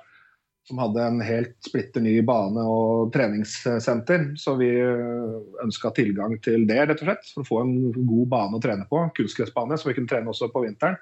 Eh, så det var motivasjonen. Og innendørs så var det et helt splitter nytt og kjempeflott treningssenter. Altså, altså gym, treningsstudio. Mm. Som vi også da fikk tilgang til. Så motivasjonen var å Vi hadde jo, hadde jo, ikke noe sted å være. Vi hadde jo ikke hjemmebane, sånn som uh, Trolls hadde. Så det var egentlig et forsøk på å gi oss et uh, slags hjem da, og et fast sted å trene. Uh, både fotballtrening og, og ellers. Og så hadde vi en del studenter. Og da var det Nikolai Aslaksen da, som, som, hadde en del koblinger inn mot universitetet, som leda det prosjektet der. Da. Da kom vi oss med uh, i uh, eh, OSI som, uh, som et idrettslag under her. Og da fikk vi også tilgang til, til banen, kunstgressbanen på, på Domus. Og, og samla også laget i, i treningsstudio i vekt, vektrommet der. Da. Så vi trente fast, fast der. Hvor, hvor, lenge var dere en del av OSI, husker du det? Det var en fire-fem år, men jeg husker ikke eksakt hvilke år det var. Og da som eh, medlemmer av eh, Oslo-studentenes idrettslag, så går vi da inn i, i 1997, og dere velger å, um, å hente inn Val Gunn som, som, hovedtrener. Hvis jeg bare kan holde litt på, på, Joe, for jeg har jo inntrykk den dag i dag at man var jo kjempefornøyd med, med Joe som, som, trener. Er det noen uh, grunn til at dere, dere, valgte å hente inn en, en ny en? Ja, det var bare for at Joe hadde han hadde bare ett år. Han skulle tilbake igjen og hadde andre ting han skulle gjøre i USA, så dealen var, var det halvåret han var her. da. Så det var ikke noe mer enn det. Men vi hadde jo også et, som sagt, en tanke om å løfte oss litt mer også, sånn kompetansemessig. Så, så da begynte vi å se etter en trener som hadde enda litt mer eh, erfaring da, mer, enda mer fotballkunnskap på begge sider av ballen, både offense og defense. Og da landa dere på, på Val Gunn. Hvordan, hvordan, fant dere han? Ja, det var på samme måte. Den tror jeg starta med Wilhelms uh, Igjen, Wilhelm eh, jeg, jeg, husker ikke helt altså, det var hans familie i California som satte oss på sporet uh, av dem. Men igjen, altså, dette her var jo hvert år så holdt vi på å ringe rundt og snakke med alle tidligere bekjente og sånne ting. sånn at vi begynte jo, vi snakka med flere.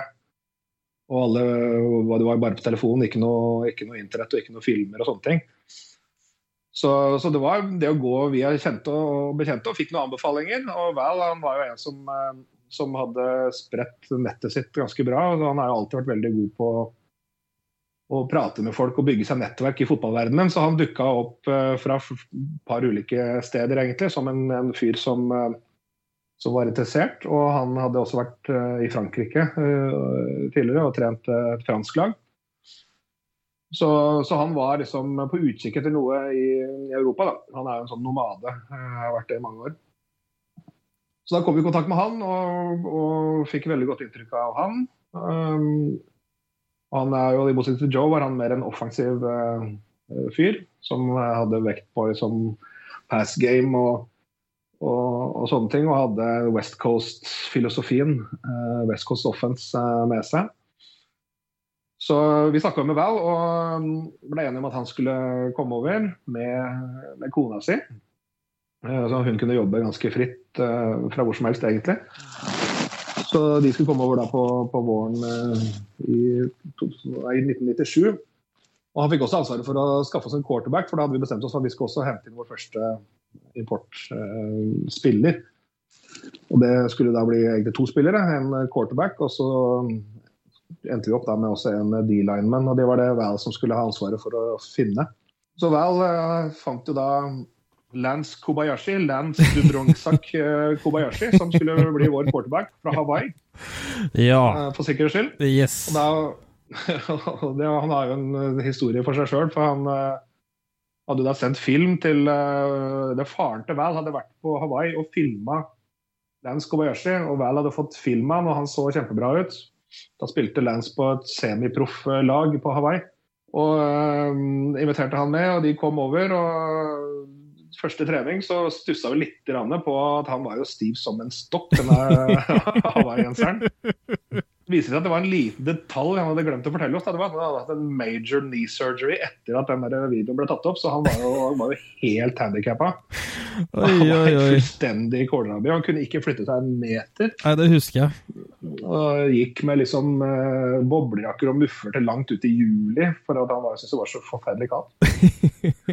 så han var ikke noe sånn kjempesuksess, må jeg si. Uh, så han var en pocketpasser, kan du trygt si. Han, har aldri flytta seg sjøl ut av pocketen, og flytta heller ikke hendene sine ut av lomma si heller, for han syntes det var så kaldt.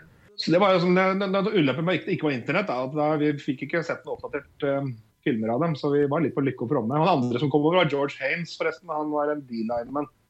Han var en uh, skikkelig jovial uh, fyr og god, god D-line-spiller.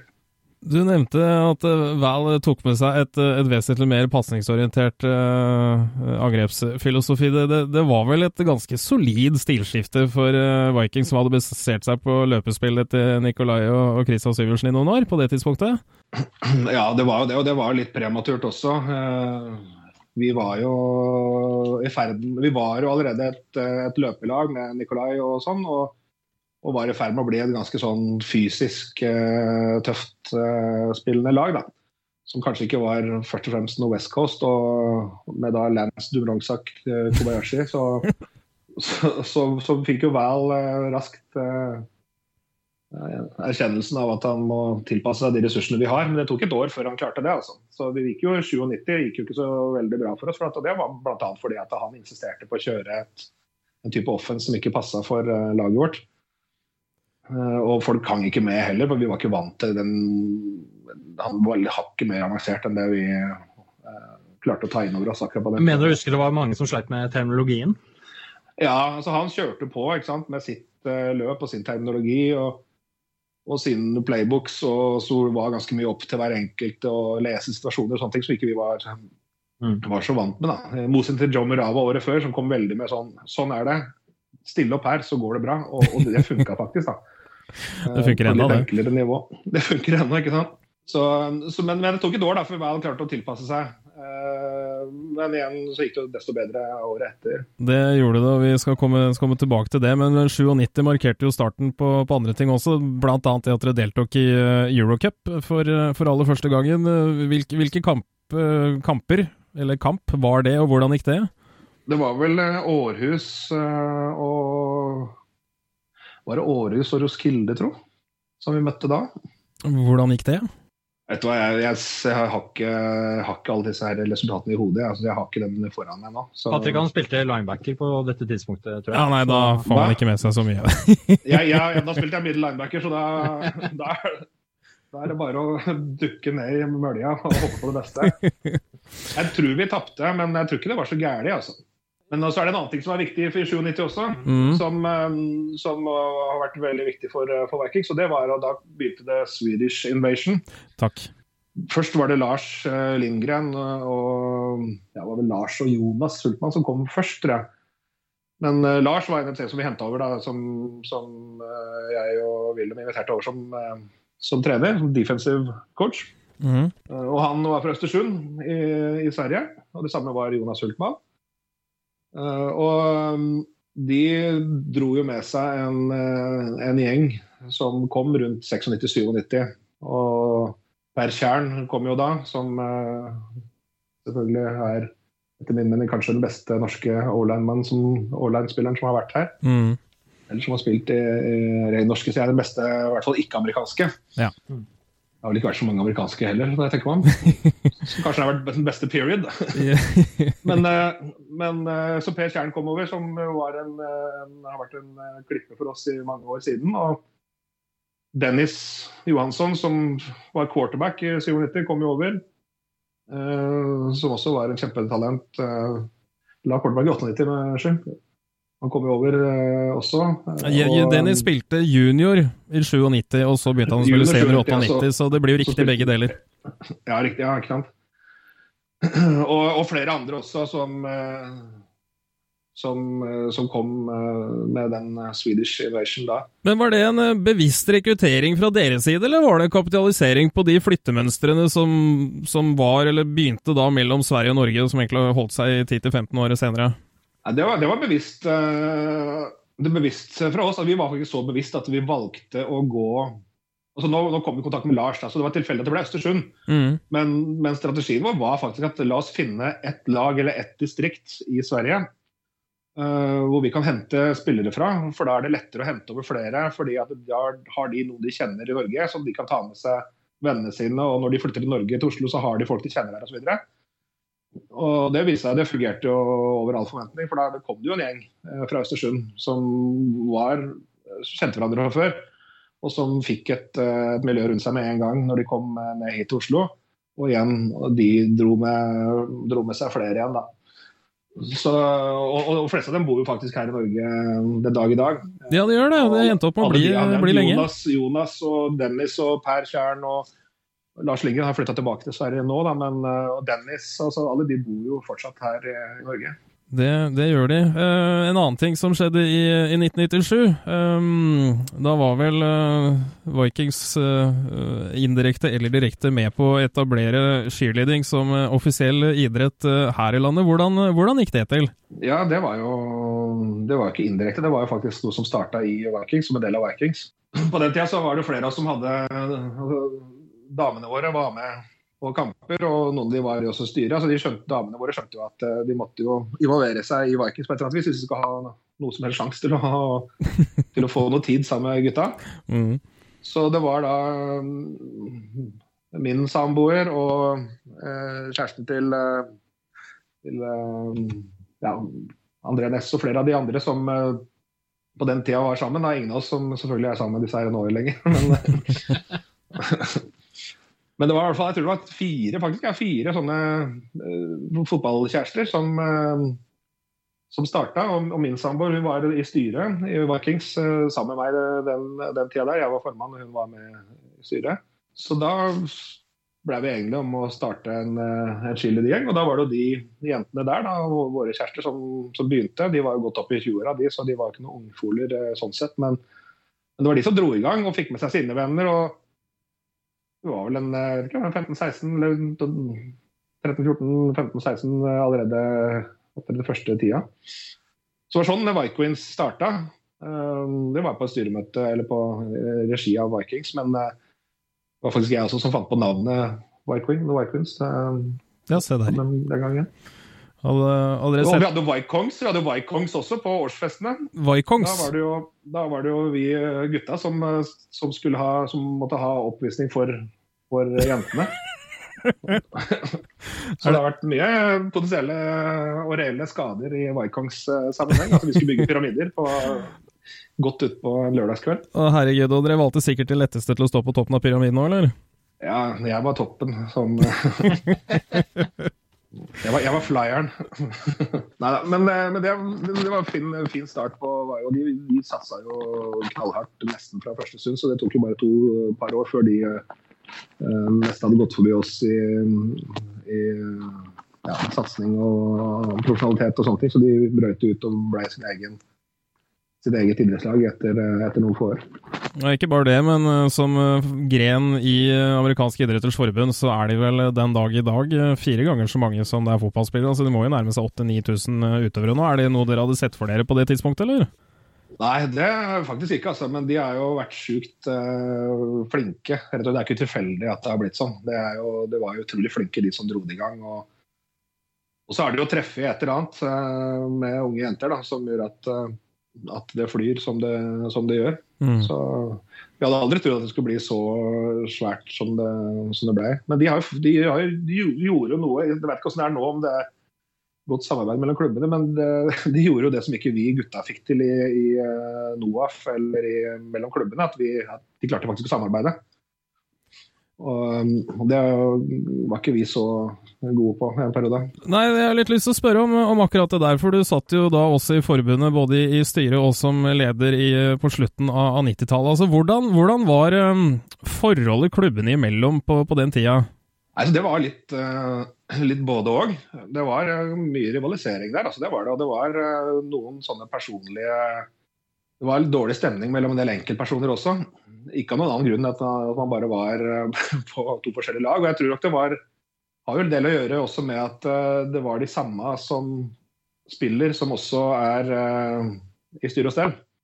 Så da får man kanskje ikke så veldig avstand til det når man sitter eh, og skal være i styret, samtidig som man også er spiller. Og 1997 da, som kjent, eh, avsluttes eh, med et relativt kraftig tap i NM-finalen mot Vålerenga Trolls 54-8. Men i 1998 så snur jo dette ganske 180 grader. Val Gunn er fortsatt hovedtrener, og dere da vinner en NM-finale over Trolls for første gang da siden 1992. I tillegg til det så begynner dere å vinne kamper i Europa, med bl.a. seier over Roskilde Kings. Hvilke grep ble tatt mellom 97 og 98 for å komme fram til det resultatet, Ole Petter?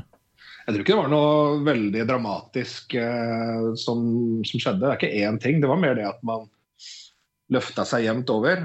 Hadde en trener som var, eh, var eh, på et litt høyere nivå. og som jeg nevnte også i stad, at uh, han, Val Gunn og, og trenerteamet klarte også mer å tilpasse seg de, de ressursene vi hadde.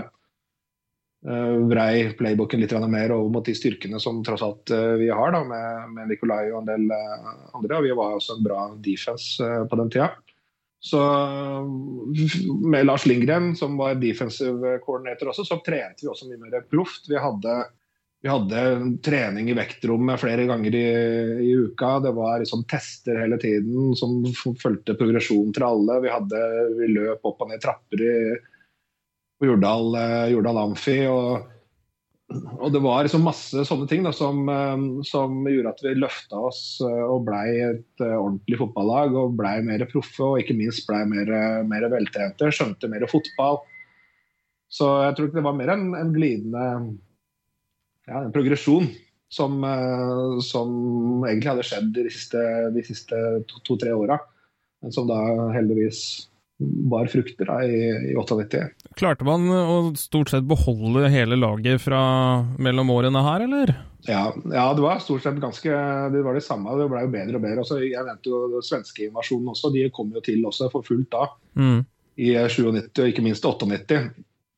Og, og, vi hadde eh, ja, vi hadde vel en finne også inne eh, i 98. Eh, så, og, og, gode importer også, med Willy Holgerbrook og Robert Burnett, som de het. Mm.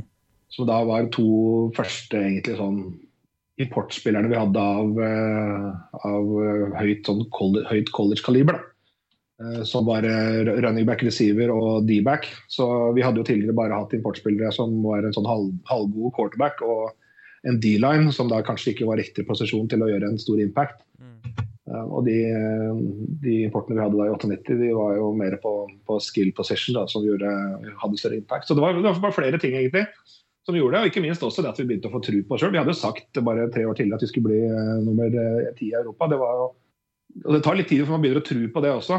At man uh, begynner å se på seg sjøl som, uh, som, et bra lag. Da. Og Dere nærma dere jo med, med, med seieren, eh, seieren, over, over Kilde. Hvordan, hvordan, var den kampen? Nei, Det var jo et sånn vendepunkt på, på ett vis. men sånn som jeg husker det, så var det ikke sånn at vi følte at dette var overraskende, eller at det var at nå har vi liksom Oi, nå har vi strekt oss veldig langt sånn som jeg husker så hadde vi veldig tro på oss sjøl uh, på, på, den tida der. Vi tenkte at nå søren heller, vi er på vei mot, vi er på vei mot noe her. Så, så, for oss så var det jeg ikke si at man, Vi tok det absolutt ikke for gitt, men det var mer sånn at var, vi var ikke veldig overraska over at vi nå begynte å klare å spille i Europa. For det, var sånn, det var en tid hvor vi følte, følte oss veldig bra. Mm. Både, fysisk, både, fysisk, og, og sånn, lagfølelsen og stemninga i laget. og det var veldig, og Vi var fortsatt en gjeng kompiser eh, som, som, eh, som holdt på her. Så det var en veldig ekstremt god eh, lagfølelse, god stemning i, i laget. og Det er som, dette som virkelig er de, de åra som man husker best. For der var det da var det, det var kompiser, og alle var gira, og alle var på, mot samme mål. og det var liksom det var også Konteksten rundt kampene var veldig bra. da. På, på snakk om kontekst eh, rundt kamper. 1998 eh, så var det også en uh, låt som kom ut av en, på den tiden, stor norsk hiphop-gruppe kalt Warlocks, som kom ut med et låt som het Bag the Game, dedikert ja, til Oslo Vikings. veldig nysgjerrig. Åssen kom dette til? det var våre lokale OGs, våre gangstere, Homer, Hans Erik Slettemann og Jan Strøm, som var gamle medlemmer av Maja-gjengen, som som uh, tidligere juniorer som begynte å bli uh, gode spillere hos oss. Mm. Og um, De hadde masse kontakter i disse her, uh, litt diffuse undergrunnsmiljøene i Oslo. Så de kjente gutta i, i Warlocks og fikk dem til å lage en låt. Altså, jeg tror det var Jan. Altså, de skulle liksom komme med den, den bestillinga. Dere må nevne det, dere må nevne det og det og det. og det, og det, og det. Så nevn dette her, ikke sant. Og så bare den lange lista med ting som de måtte nevne i den låta. Men det, det gjorde de ikke, da, men de lagde den på sin måte. Men den ble, den ble veldig bra, syns jeg. Ja, det ble jo det, og det ble jo ikke bare en gimmick-låt heller, for den endte jo opp på skiva som de ga ut uh, det året. ja, den fins på Spotify den dag i dag, så bare søk opp Bag the Game, så får du uh, Oslo Vikings uh, Anthem. det kan vi oppfordre folk til å gjøre, så kan hende vi klarer å snike inn et klipp på slutten av podkasten her også, så da får, eh, får folk lytte i, i, spenning. Men eh, også da for å bygge litt videre på den, da, nå er det mulig jeg bommer litt på årstallet, men jeg syns også husker man prøvde å få litt mer arrangement rundt NL- og NM-finalene. altså Shortcut, som han var kjent som da, nå er det vel mer Vegard Olsen barnehageonkel som var med og opptrådde på, på en NM-finale der. Var det også en del av det å på en måte bygge, bygge rundt? Ja, det var jo det. Vi prøvde jo å lage litt show, og da hadde jo White Queens også, selvfølgelig, som, eh, som, begynte å få dreis på sakene, som hadde show. Og det hadde jo aldri vært heller før i amerikansk fotball i Norge, at man hadde, hadde halvtidsunderholdning. Så, så ja, da, vi hadde jo shortcut inne, om det var i 98 eller 99, husker jeg ikke. Det var jo forsøk på å gjøre det litt mer attraktivt. Så, og vi hadde også litt sånne temadager hvor vi hadde en én kamp som var liksom dedikert til amerikansk, og vi promoterte det veldig mot amerikansk ambassaden og gjorde tailgating og sånne ting. Og så var det en annen kamp som vi promoterte ut mot russen for å få de til å komme. og så prøvde å etablere noen sånne stolper da, hvor, eh, hvor vi retta oss inn mot ulike eh, konsepter rundt, eh, rundt, hjemmekampene. Så det funka ja, ganske greit, i hvert fall. I hvert fall eh, så lenge været var bra. været bruker å være ganske utslagsgivende, men uh, jeg skal ja. ikke sitte og dvele ved det kulturelle aspektet av amerikansk fotball så veldig mye lenger, men jeg har én til akkurat der, og det var på slutten av 90-tallet, altså 97, 98, 99, så, så, var jo amerikansk fotball litt i vinden, altså kinofilmer, blant annet. Uh, du fikk i ja. Given Sunday kom ut, Waterboy kom ut, Remember the Titans kom ut. Uh, altså store kinofilmer med amerikansk fotball som tema. Merka dere noe, noe utslag i forhold til rekruttering på den bakgrunnen av det? Ja, vi gjorde litt og vi prøvde å bruke det også. Og prøvde liksom å spille på, på det òg, men vi hadde nok egentlig ikke kapasitet til å ta imot uh, så mange. Nå har vi ikke snakka så mye om juniorsatsingene opp gjennom disse her, og det har, også vært, det har vært noe som går liksom, hele veien her også. Mm. Fra egentlig tidlig 90-tall, og, og, ikke minst var vel i 94 eller 95 hvor vi, hadde en, vi starta med en sånn rookie camp, da, hvor vi fikk inn en del uh, juniorer. og og da, altså, da, kom jo både, både, Homer og Jan Strøm og Christian Paulsbo ikke minst kom inn gjennom, eh, gjennom juniorprogrammene våre i, i begynnelsen av, 90, nei, begynnelsen av ja, tidlig 90-tall. Så, så, vi prøvde liksom å slenge oss litt på dette kule amerikanske fotball, men jeg, jeg tror ikke vi hadde kapasitet til å følge opp og ta imot så mange, egentlig.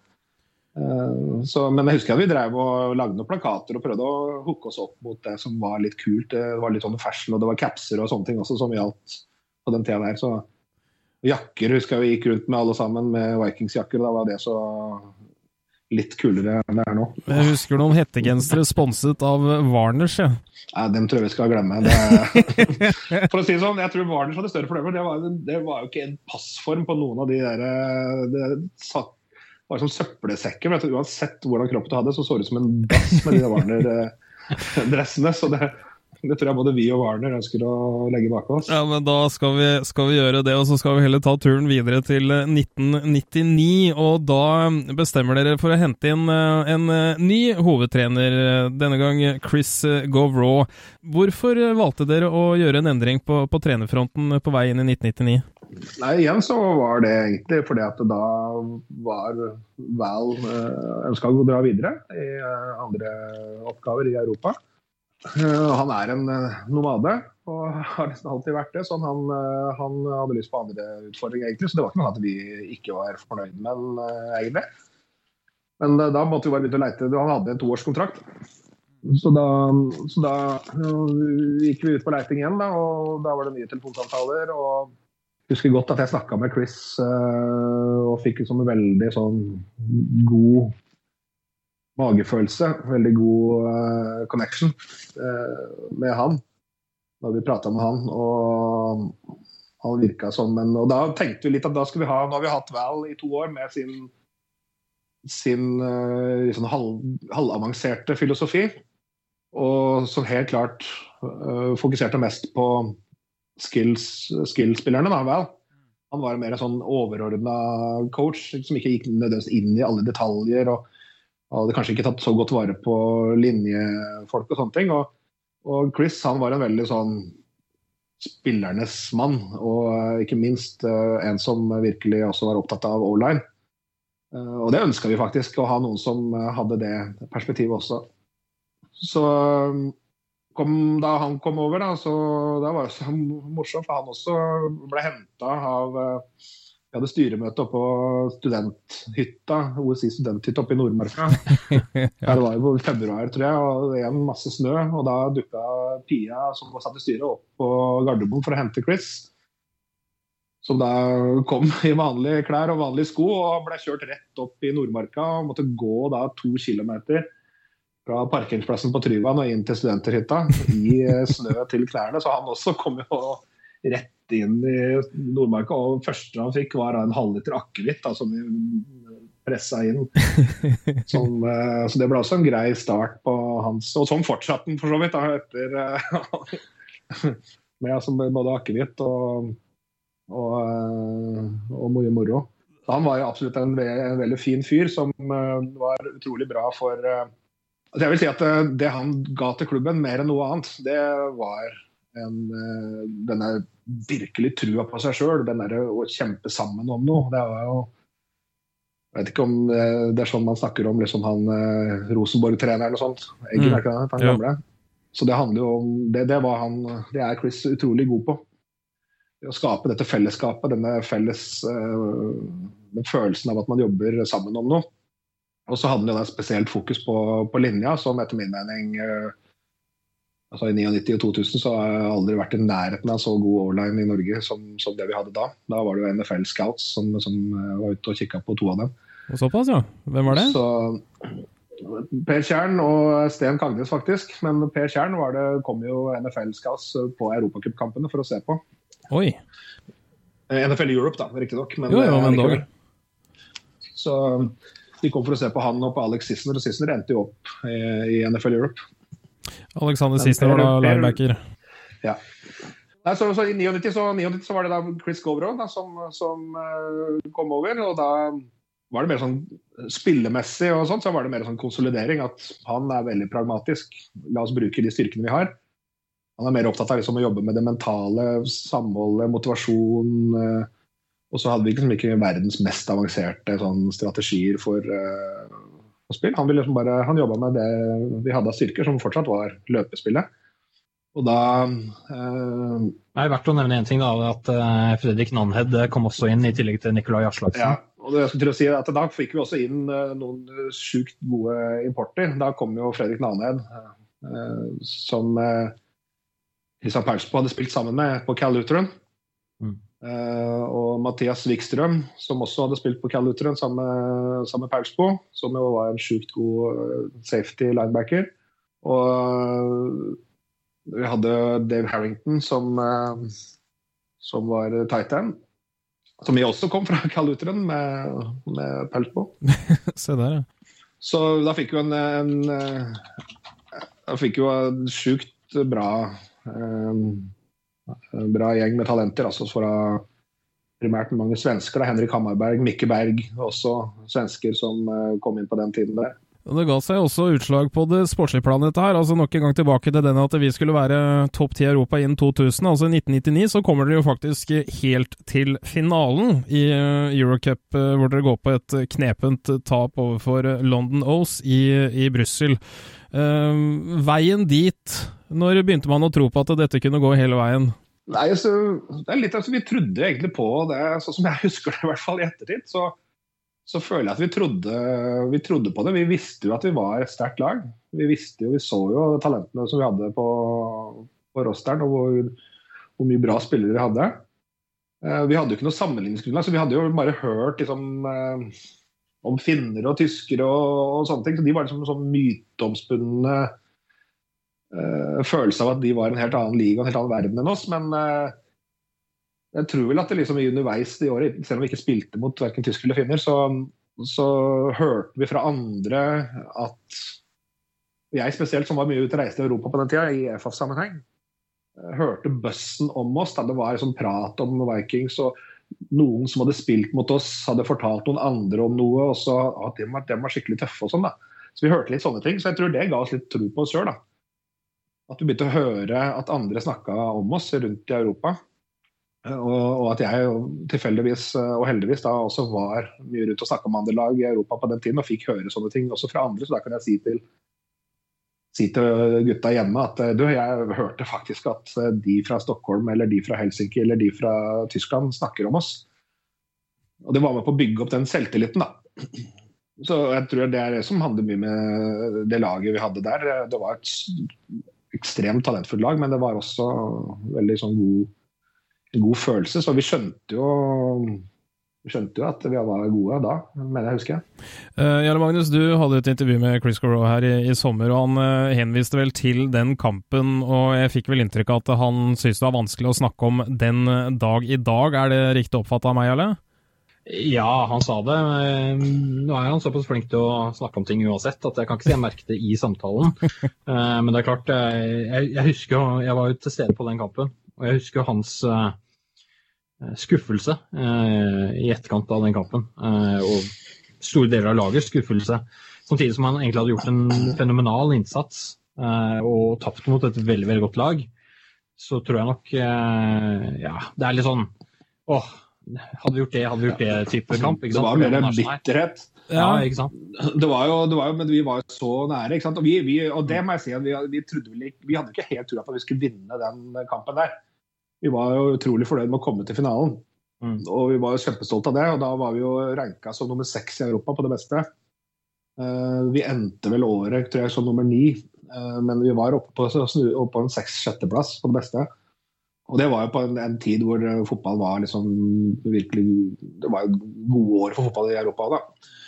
Så, så vi var jo utrolig bitre, egentlig. Eller sånn Søren, dette, dette, kunne vi faktisk ha vunnet. Ja, for det er det jeg lurte på. Altså, du sier jo altså Man hadde jo egentlig ingen forventninger, men når man først kommer dit, og det er så nære, men likevel så blir det ikke helt inn, så, må, så, så er ikke, er, blir det ekstra surt, eller blir det ekstra greit? Men nå sier jo du at det ja, var nei, bittert. Det, det ble ekstra det ble ekstra surt, egentlig. For, at, ja, for det, vi burde egentlig vært superfornøyd, siden vi ikke hadde trodd at vi skulle gjøre det så bra. Men når vi likevel så at uh, søren, dette laget her kan vi spille med. Altså. Disse her er, vi er faktisk uh, Eh, minst like gode som dem.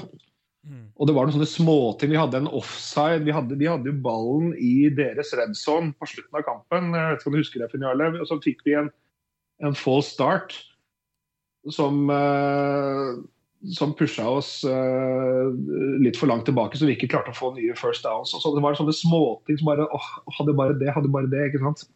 Ja, det, det var bl.a. noe spillvalg i forhold til defense. Uh, helt på tampen av første halvdel som, eh, hvor britene kom inn og fikk, fikk, gjort noen poeng eh, som man kanskje ikke helt hadde ja, Man kunne gjort det. Ja, men Det var sånne, ting man kanskje tenkte litt på da, mm. etterpå. Men det var ingen som hadde trodd, verken hos oss eller andre, hadde trodd at vi skulle uh, spille så jevnt med London O's som det vi gjorde. Og det trodde jo ikke London heller, så de var jo veldig overraska, de òg. Men dere spilte jo en annen, skal vi si, stor kamp eh, det, det, året. Da tenker jeg mest på at eh, det kom et besøk fra USA i form av eh, College. Det var året etter, det. Var det året etter, ja? Ja. ja men da kommer vi tilbake til den, da. Uh, siden vi snakker om Eurocup-kampen. Uh, noen år etterpå så uh, jeg hadde en tendens til å kikke litt rundt på internett på fotballting. og Kjenner du noe igjen, eller? Eh, og, yes. Ja, det var overraskende, syns jeg. en ting som jeg la merke til, da, var at London O's eh, hadde en webside hvor, hvor de intervjuet en del spillere med liksom, hva er det beste laget du har spilt mot, hvem er det beste spilleren osv. Og, så og flere av de gutta nevnte at det beste laget de hadde spilt mot, var Oslo Vikings i den finalen. Og flere av dem nevnte da at den beste spilleren var f.eks. Fredrik Nanhed. da. Ja. Eh, så det er ganske interessant ting å ta med seg, tenker jeg. Ja, nei, men det, det var jo utrolig gøy å tenke tilbake på det. At, og det var også den eh, den matchen også hvor det var NFL-scouts, og de så på, på Per Tjern og, og Naned og, og etter hvert også Sissener. Så det var da de fikk øya, for det var jo to år vi var NFL Europe bare fulgte med oss. da, i de 99 og 2000. Så, så det var utrolig gøy å liksom, komme opp, opp på det, nivå, det nivået der. da. Eh, Men det var, var mye bra spillere. Jeg tror det, Altså, det er, eh, som Nane, for eksempel, han er jo fortsatt en dag i dag eh, rekordholderen på, i rushing på Cal Lutheran i California. Så det, jo, det var høyt nivå på gutta. Og Nikolai selvfølgelig, som også fortsatt var i sin prime på den tiden der.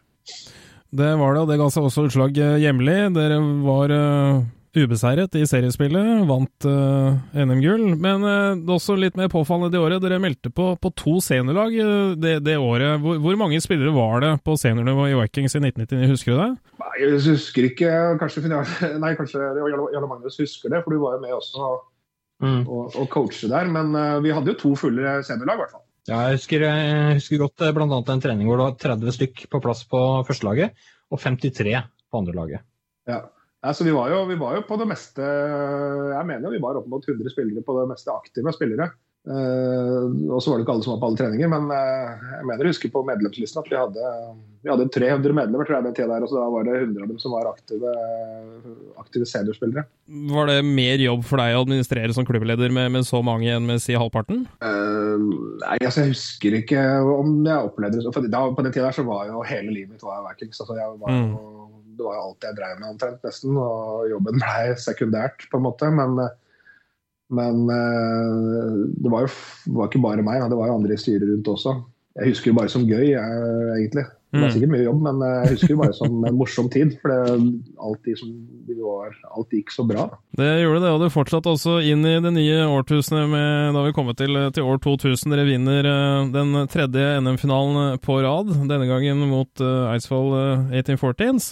Og I tillegg til det så deltar dere i Eurobowl, og da kan det være greit å nevne at Eurocup og Eurobowl er to forskjellige, eller var to forskjellige um, turneringer. Derav Eurobowl var vel egentlig regnet som det, som det høyeste beste. Um, og da gikk dere ikke videre fra, fra gruppespillet. Var det noen noe, grunn til det? Ble motstand for stor til slutt, eller eh, begynte det å skje litt andre ting på den tiden? Nei, da var det nok rett og slett at uh, vi møtte jo altså Det var Stockholm Mean Machine som uh, uh, var, det var, ble spilt mot da, var det Stockholm Mean Machine, og så var det Århus Tigers. Århus, ja. Mm. vi vant mot Århus, gjorde vi ikke det? jo, det var en, ett tap og en seier mot Århus. Ja. Og så tapte vi da mot Stockholm. Knapt. Um, og Stockholm var jo en av favorittene til å vinne hele, hele greia på den tida. Så, og vi hadde jo fortsatt et kjempegodt lag. Da hadde vi også fått inn Chris Peltonen på linebacker. Vi hadde uh, Alex Sissener på linebacker. Og så, det var jo bare helt rå uh, spillere. Så da var det Wayne Jacobs uh, som var quarterback det året. Så vi hadde jo et fantastisk godt lag da også, men, eh, men igjen, altså, da var det jo også motstanden best desto bedre. Så, så, jeg tror rett og slett det var det at vi, at vi bare spilte mot uh, jevnt over bedre lag. Mens i Eurocup hadde det vært litt opp og ned. Uh, noen lag som var gode, men der var vi helt på høyden. Men nå var vi jo på spilte mot de beste i hele Europa, som, som lå foran oss på rankingen. da. Mm. Hvordan får man råd til, til disse importene år etter år? Nei, det er jo også en, eh, en, eh, en, en egen historie som vi har eh, vi har tenkt litt annerledes opp gjennom alle år. Vi har, jeg tror kanskje Eidsvoll har tenkt litt likt, men, men, vi har alltid tenkt at uh, vi, ikke, vi, kan ikke konkurrere på, på, pris og lønn med klubbene rundt i Europa. Så det vi bestemte oss for allerede tilbake i 95, når vi begynte å snakke om å ha våre første importer, det var at vår strategi for importspillere det var jo dels den som jeg fortalte om i stad med svenskene, at eh, la oss finne miljøer og områder eh, i Europa, eller nabolandene våre, Sverige og Finland primært, da, som eh, vi kunne lokke over én og to, og så kan de dra med seg andre. og Det lykkes vi med i Sverige, og det lykkes vi også i Finland. for Vi har også hatt flere finske gode spillere disse åra her, som har kjent hverandre og som har liksom gitt, gitt hverandre gode anbefalinger. da. Så Det var det ene strategien vår, og, da, og det koster oss jo ikke så veldig mye, egentlig. Og når det gjelder amerikanske, så, så har vi alltid hatt uh, den filosofien at uh, hos oss så skal du komme og skal du få et utrolig bra opplevelse av å være her. Det skal være et minne for livet, for vi visste jo ganske mye om hvordan importer ble behandla rundt i Europa, og det er ikke som i Norge. De, de sitter aleine i en leilighet mm. uh, hele døgnet, og så er de på treninger, og så er det ingenting imellom. De får godt betalt, men sitter du da i Østerrike og ikke kjenner noen, og så, og så har du ingen kontakt med lagkameratene dine, annet enn på det som skjer eh, av treninger og sosiale ting med laget, så, så er det ikke sikkert at det er så, så gøy. Så vi gjorde det annerledes. Vi hadde også vår kjemperessurs, som er The Dungeon. Hanstens gate 12, som er berykta, berykta i Vikings-sammenheng, som dere veit. Mm. Og der bodde jo trenere og, og importer. Det, det, var Wilhelm igjen da, som har ordna det gjennom, gjennom Wang Handelsgym, som hadde da en sånn lagerlokale som egentlig vi bygde om til en uh, leilighet. Og der uh, har det jo bodd mange importer og, og trenere opp igjennom. og det har blitt et sånn sosialt samlingssted for, for klubben. Både i spillemøter og fester og sånt. Så de spillerne som var hos oss, da, eh, amerikanske importer og også de svenske, de har også alltid opplevd at de hadde, hadde oss andre, og vi var en gjeng hele tiden. Vi var alltid sammen og kom alltid ned der. og Det var en utrolig fin sosial opplevelse for dem også. Eh, og så har de anbefalt dette andre igjen. så det har vi gjort at vi, altså for, Det er et langt svar på et kort spørsmål, merker jeg. men men tilbake til utgangspunktet er at det er derfor vi har kommet unna med å ikke betale folk så mye. Ja, men det, det, er det som forteller litt her. For at det, det, dere, det, du sier, er at det dere har levd godt på, er et godt rykte? Vi har levd på et godt rykte, og, og folk, vi har ikke rykte om å betale godt, for det har vi aldri gjort. Men vi har et rykte om at når du kommer hit, så blir du skikkelig godt tatt vare på. Du får venner for livet, du, du har folk rundt deg hele tida. Um, og det er gøy, rett og slett. Og så er er det jo gode odds for å finne masse fine damer også. Det er, også, det er jo faktisk sant. Altså, det, er jo, de, det, er jo, mange fine, søte norske jenter. Og, og de gutta her som er i 20-åra, de syns det er morsomt å være et sted hvor de eh, treffer mange, mange søte jenter også. Ja, nei, Man skal ikke undervurdere det, altså. Absolutt ikke. Vi har brukt det som litt sånn, litt, litt, med, litt med glimt i øyet, selvfølgelig. Men, at, eh, men, når de gutta drar tilbake og forteller en annen potensiell spiller om hvordan det er i Norge, så er det blant de tingene de nevner. Mm. Men det viktigste er selvfølgelig hvordan de blir tatt, tatt imot og tatt vare på. Eh, og hvor de liksom føler at de blir aldri overlatt til seg sjøl, sånn som de blir andre steder i Europa. Og i 2000 så kom det også besøk fra USA. Det hadde vel gått en del år siden St. Olaf eh, var på besøk. Denne gangen kom Doan College til Norge for å spille amerikansk fotballkamp mot Oslo Vikings. Hvordan i alle dager kom dette her til? Det var et uh, college-lag fra divisjon 2 i USA som eh, var på en, eh, en liten miniturné. Som eh, de tok dem innom jeg tror det var Finland og Sverige. eller i hvert fall De spilte mot da Stockholm Wind Machines uh, før oss, og så kom de uh, til Oslo. Så det var egentlig en sånn ja, en sånn uh, studiereise eller en sånn opplevelsestur da, for, for spillerne der borte og en sånn slags goodwill-ambassadørreise. De hadde noe støtte fra skolen sin, og så betalte de resten sjøl, spillerne, for å få denne turen som en opplevelse. Mm. Og Da tok de kontakt med, da hadde de lyst til å reise til Skandinavia. Hvorfor de kom til Skandinavia, det vet jeg ikke, men da tok de kontakt med da, de lagene som var best eh, i Skandinavia på den tida. Det var jo Stockholm og, og oss. Og spurte om de, vi hadde lyst til å spille mot dem, og det hadde vi jo selvfølgelig. Det ble jo veldig jevnt. Det, ble, altså det må jeg si at den Dome-kampen det er kanskje noe av det jeg personlig, og jeg tror mange av spillerne, også er eh, den kampen vi er aller mest stolt over. Nesten mer enn London eh, i Euro Cup-finalen. For dette her var et lag som var et genuint godt lag. Det var divisjon 2 college-lag, så det er bra nivå. altså. Fra Nebraska, som er jo fotballstat. Mm. Og de kom jo over og, og eh, vant over Stockholm. Og eh, så husker jeg han treneren til Doan ringte meg etter Stockholmskampen. For å liksom planlegge det praktiske rundt hvordan vi skulle ta dem imot og få innlosjert dem og sånne ting. Og så husker jeg han sa at uh, du, um, jeg snakka med trenerne på Stockholm, så jeg har hørt at dere er de tøffeste og hardeste laget de noensinne har spilt mot. Oi. Så så go easy on us, sa han. OK, sa jeg. Ja, ja, whatever. men, eh, men, det var litt gøy å høre det. Så, så kom de, da. Og, og, det var jo et kjempe Det er alltid gøy å spille mot amerikanere, for de er så proffe. ikke sant? Det er jo en helt annen opplevelse å spille også mot amerikanere. Fordi at de, de har eh, de har en sånn så proff innstilling til det, som vi har mye å lære av. Mm. Men den kampen der i regnvær på Jordal, den, eh, den var fantastisk. De skårte på første driven, eller på jeg tror det var andre-tredje spillet ja, første driven. Så skårte de på et ganske langt uh, løp. Og vi tenkte å, fuck ass, dette blir en lang dag. og D-line, jeg, jeg, husker så godt D-line-gutta sa at i helvete er umulig å komme forbi de O-line-gutta. De var mye mindre enn oss, men de var så teknisk gode og raske Mm. At de bare følte at det kom ingen vei. Så, men så, så, holdt vi dem, og vi kom mer og mer inn i kampen. og Det endte jo 6-0. Eh, de fikk bare den ene skåringa, det var det første, første, minuttet. Så vi holdt det med hele kampen og spilte en knallbra og knallhard kamp. Selv om det da ikke ble noen mer skåringer, så, så, sa faktisk også de Dong-trenerne til oss etterpå at dette er det tøffeste laget vi har møtt i år, sånn fysisk. Mm og mente at vi hadde, i, vi hadde spilt i divisjonen deres, da, i divisjon 2 der borte, så hadde vi antageligvis kommet sånn ja, midt, midt, på treet. Vi kunne fint ha konkurrert i den divisjonen der. så Det var jo noe som da husker jeg vi var solgte. Det skjønner jeg. Jarle Magnus, divisjon 2, er det det man kaller eh, FCS nå? Eh, nei, det, det er helt fremdeles divisjon 2, men de spilte i Naya, eh, okay. som er, liksom, er på divisjon 2-nivå, det er riktig det.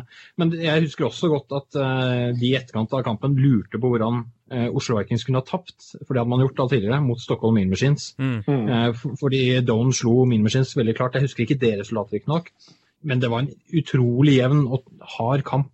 Den, den kampen Vikings spilte mot Down, altså. Det var, eh, det var et virkelig hardt eh, løpeoppgjør begge veier, hvor, hvor Doan sleit for de yardsene de fikk. Absolutt. Med det så går vi da videre inn i det siste året som vi skal ta for oss i, i podkasten her. Du skal snart få lov å slippe, Ole Petter. Du har vært veldig tålmodig. Tusen takk. Nei, det er bare gøy, da. Ja, da. Mimre litt. Mimre litt er alltid gøy, vet du. Um, 2001 så kom da til slutt Det måtte jo komme et eller annet tidspunkt, men da det første tapet i en NM-finale på, på, en del år. Det som var litt spesielt i dette tilfellet, var at tapet kom da mot Eidsvoll 1814s, og um, det jeg ikke tror mange er så veldig klar over, er at uh, det er jo en liten historie der mellom, uh, mellom Vikings og 1814s. Uh, gjerne da at, så vidt jeg oppfattet, at dere bisto litt grann når 1814s startet opp med, med, å få de i gang. Stemmer det? Ja, det, var ikke noe, det var ikke vi som fikk dem i gang. Det, det klarte de jo sjøl med, med Bård Aune og Andersen-gutta og den gjengen der. sånn, Men helt i starten, så når de hadde sine første treninger, så så, så, fikk de hjelp fra noen av, av gutta hos oss, noen av de mer erfarne spillerne hos oss, som hjalp dem litt med, med ja, hvordan du skal organisere en trening og litt drills og sånne type ting. Og så, og så lånte de vel noe utstyr av oss også de første gangene inntil de fikk kjøpt seg sitt eget. Så det var absolutt ikke, vi absolutt ikke liksom, har noen ære for å dra i gang det, men, men de spurte oss litt om hjelp, og det gjorde vi på, for å stille opp for et nytt lag. Det var jo gøy. Det var ikke så mange nye lag som kom inn og satsa skikkelig da. De var jo skikkelig flinke, de gutta, helt fra starten. Det var det, de, de satsa ordentlig. Men når man da ender opp med å, å tape en NM-finale som man har hatt ja, kanskje ikke så mye, men litt, litt med å si i forhold til, til forrige gang, det, blir man litt ekstra stolt, eller blir det ekstra bittert? Nei, da angrer vi som en hund. Den, Nei, men det, akkurat Da hadde det gått så lang tid da hadde ikke vi noen, noen kobling på den måten. Så jeg tror ikke vi tenkte så mye på det. Nei, ok.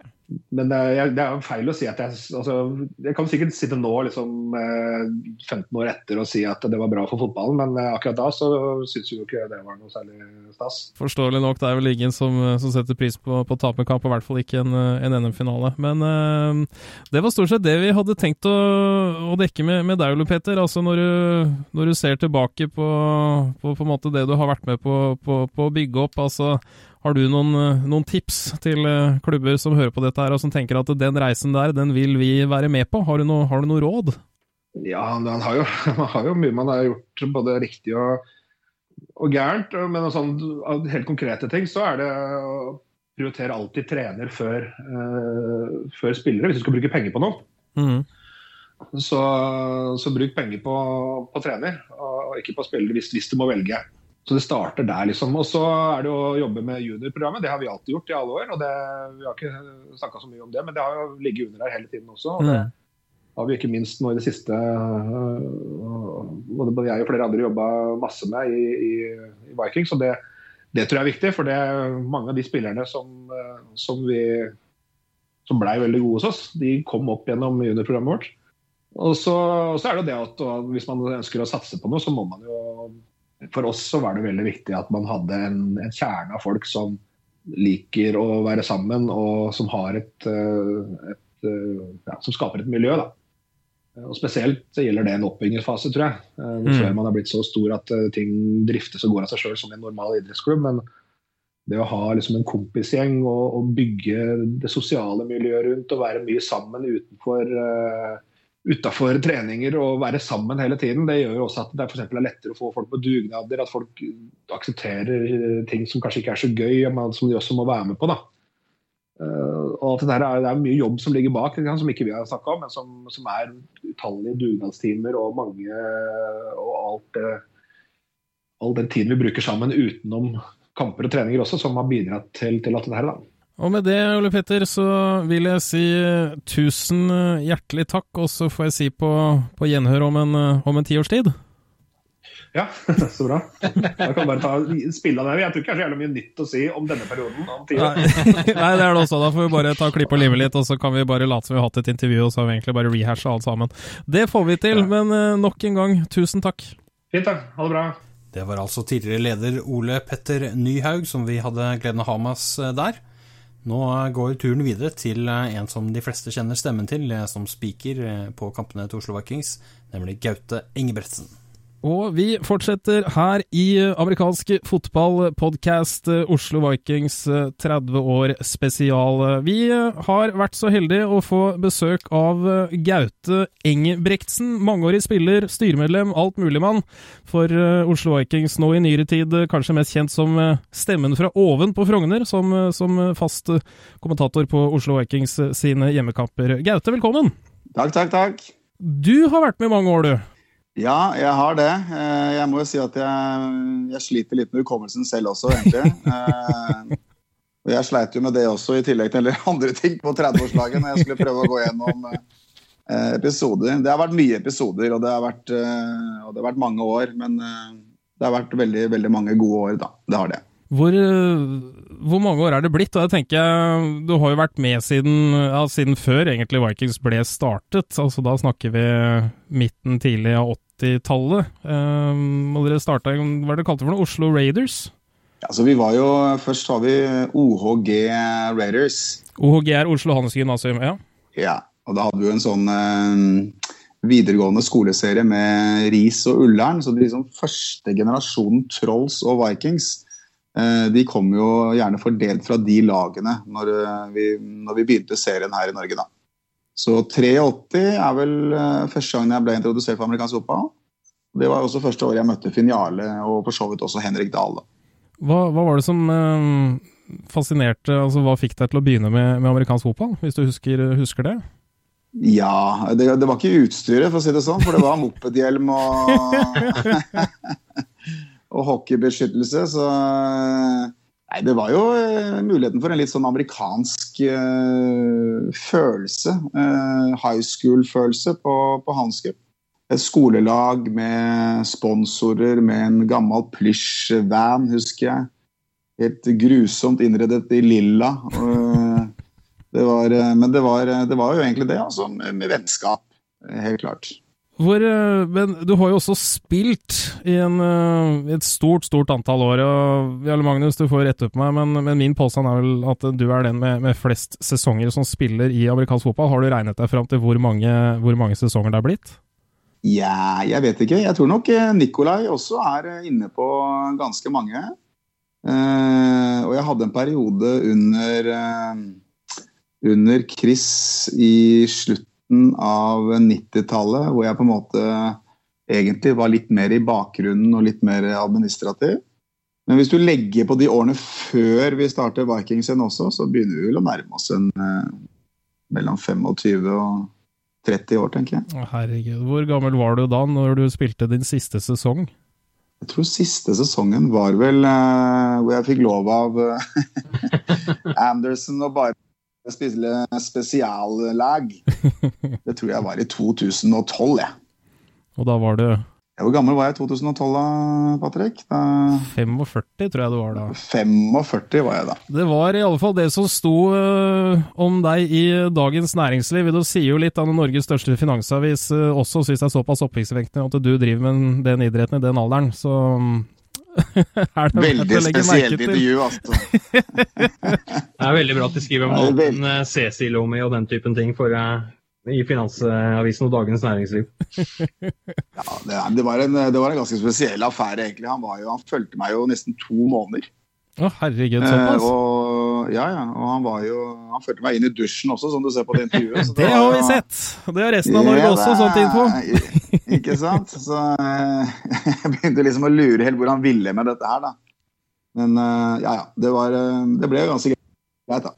Det er det absolutt, og det er et tidsbilde, ikke minst, som man kan se tilbake på om noen år igjen og bare se her, se hva bestefar gjorde. For det kan hende, det kommer, ja, det òg. Eh, Gaute, er det noen posisjon du ikke har spilt? Nei, jeg tror ikke det, altså. Jeg har jo spilt O-line nå, vet du, mot uh, landslaget til England. Sammen med, sammen med, uh, sammen med Finn Jarle, som vi også Det var jo da han røyk akillesen og måtte love kona si et barn til fordi han uh, Klarte å skade seg en gang til. Uff, uh, men da spilte jeg faktisk O-line. Det var en ganske morsom opplevelse. Ja, Det kan jeg tenke meg. Så du fikk din O-line-debut i en landslagskamp, du, med andre ord? Jeg gjorde det. Første spillet så lå jeg vel nesten i endzone bakover. Men uh, så skjønte jeg det at jeg var så liten, så hvis jeg bare prøvde å gå veldig lavt, så skjønte han ikke hvor jeg var hen. Så det fungerte mye bedre. Og det er eh, lærdom mange nye unge spillere også kan, eh, kan ta til seg. Men eh, sånn, sånn helt på tampen, hvordan, hvor lang tid bruker man på å hente seg inn etter en fotballkamp som 45-åring? Det er litt sånn avhengig av hvor mye treffer du har fått, men på slutten Jeg husker alltid kampene egentlig mot Nidaros mot slutten, eller uh, Domers. da, det, De var ganske tøffe, altså. Da brukte jeg gjerne en sånn fem-seks dager. Var det da kroppen også sa for at uh, det var det? Ja, det var egentlig det. Jeg fikk meg, jeg fikk meg en skikkelig smell uh, i uh, EFAF-cupen når vi spilte mot Farnham Nights. En uh, sånn skikkelig karamell. Jeg hadde en takling på special team, så da var jeg tilbake på 80-tallet. Så da tenkte jeg nå er det kanskje på tide å kaste inn håndkleet. Ja, jeg, tror, jeg tror familien syns det også var ganske greit, egentlig. Men uansett så er det fremdeles en imponerende karriere å, å se tilbake på. Um, litt av det jeg hadde ønsket å, å, snakke med deg om, altså nå hadde vi um, Ole Petter er nå nylig fram til um, Altså for å ta for seg 90-tallet og akkurat på overgangen inn i et nytt årtusen, og hele den perioden var vel egentlig en eneste lang uh, opptur. Uh, med NM-gull og Eurocup og Euroball etter hvert. og det, må ha vært veldig gøy å være med på den delen? Ja, det var det. Og da, da hadde jo egentlig jeg pensjonert meg egentlig for første gang. Jeg. Og egentlig liksom hadde tenkt til å fortsette å være i administrasjonen. Uh, så i den tiden så var vi et sterkt lag med masse unge spillere. og vi hadde ikke minst eh, Ole Petter som tok stafettpinnen og pushet oss hardt for å bli en bedre organisasjon. Eh, og det gjorde han, og det, og det ble vi. Eh, og det viste resultatet på fotballbanen, helt klart.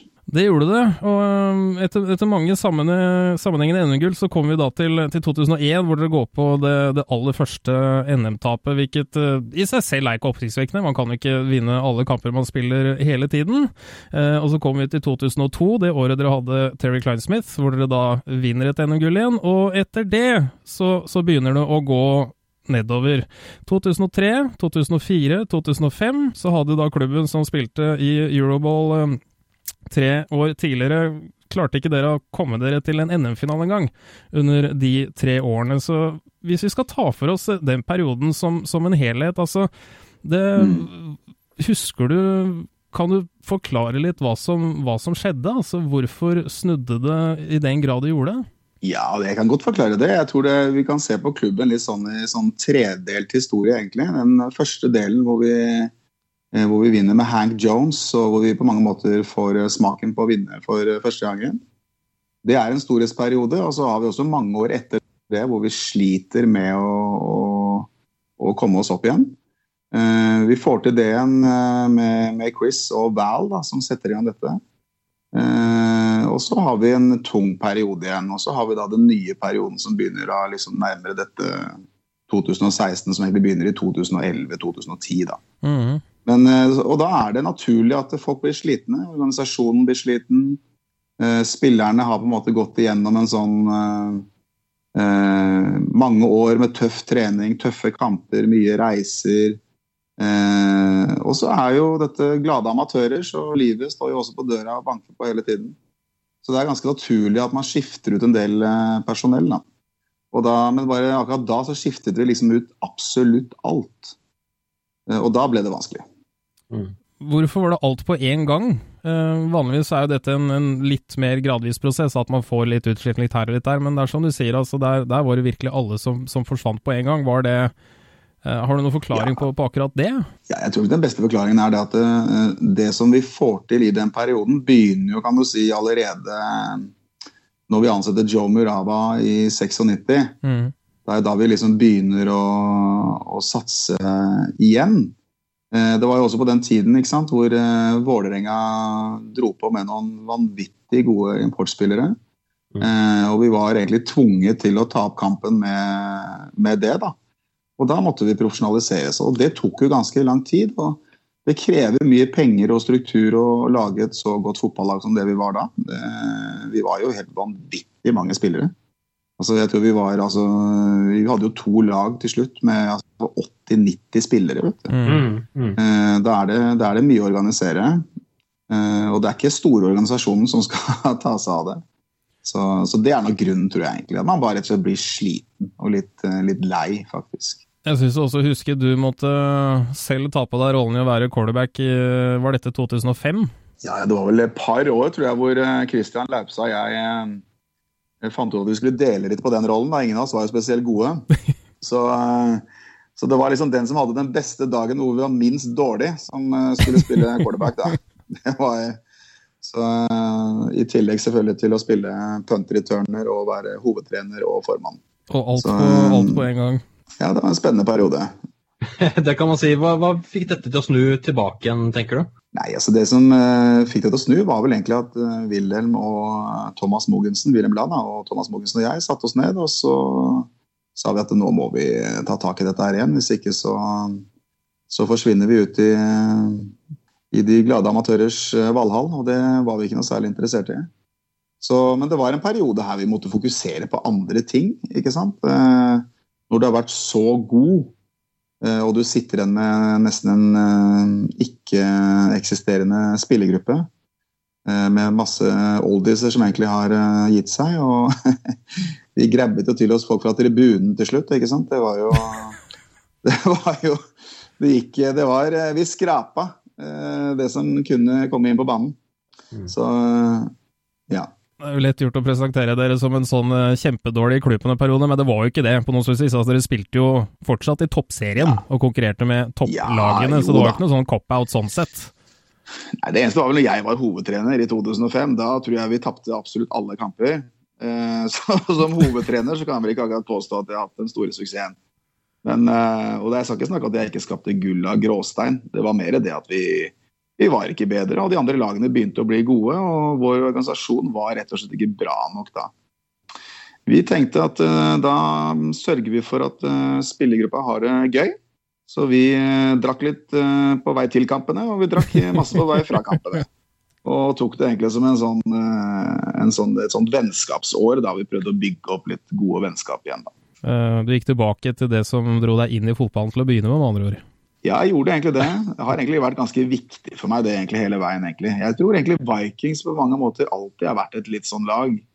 Når vi har bestemt oss for å vinne, så, så har vi satt i gang ganske store prosesser og klart å gjøre, eller sette og komme til de målene som vi setter oss, egentlig. Men vi vet også at det krever mye.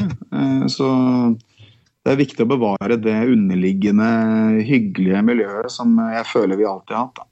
Men allerede i, i, 2006 så begynner jo dette her å snu. Dere henter tilbake Val Gunn som, som hovedtrener. Um, Gjør det. kommer dere til NM-finalen igjen, dog med tap, men uh, slår dere sjøl på brøstet og varsler at dere skal delta i Europa året etter. Hva var det som um, gjorde at dere brakte tilbake Val spesielt? Val har vært veldig spesielt spesiell for oss. altså helt tilbake til eh, altså Joe, var vår, Joe uh, Murava var vår første importtrener. Eh, men Val Gunn var liksom den første liksom virkelig profesjonelle amerikanske fotballtreneren som, uh, som, jeg følte kom til Norge, period, egentlig. Mm. Uh, han brakte med seg en helt annen level på tingene og spennende ting. og ultrakonservativ eh, tilsynelatende, men han brakte jo med seg noen importer fra svarteste Florida. Altså som var altså Som var eh, spesielle. Altså, de var gode. Så, så, så, det var moro. Det ble moro med Vagen. Husker du hvem det var, eller Magnus? Du bruker å ha koll på ja, det meste. Ja, har jo uh, Hogabrook, for eksempel. Ja, Brian var jo mm. fantastisk. Verdens største glis. Og han, han, var jo fotballspiller, var ikke noe tvil om det. Men Jelle Magnus, du, jo, du, var jo offensiv koordinator på, på juniorlandslaget når Val Gunn var hovedtrener der. Er, ja. du, er, du, enig i at han, den, den graden av profesjonalitet som han, som han, brakte med seg til landet? Ja, altså kan si Chris Gabriel har jo en eh, helt annen struktur på ting.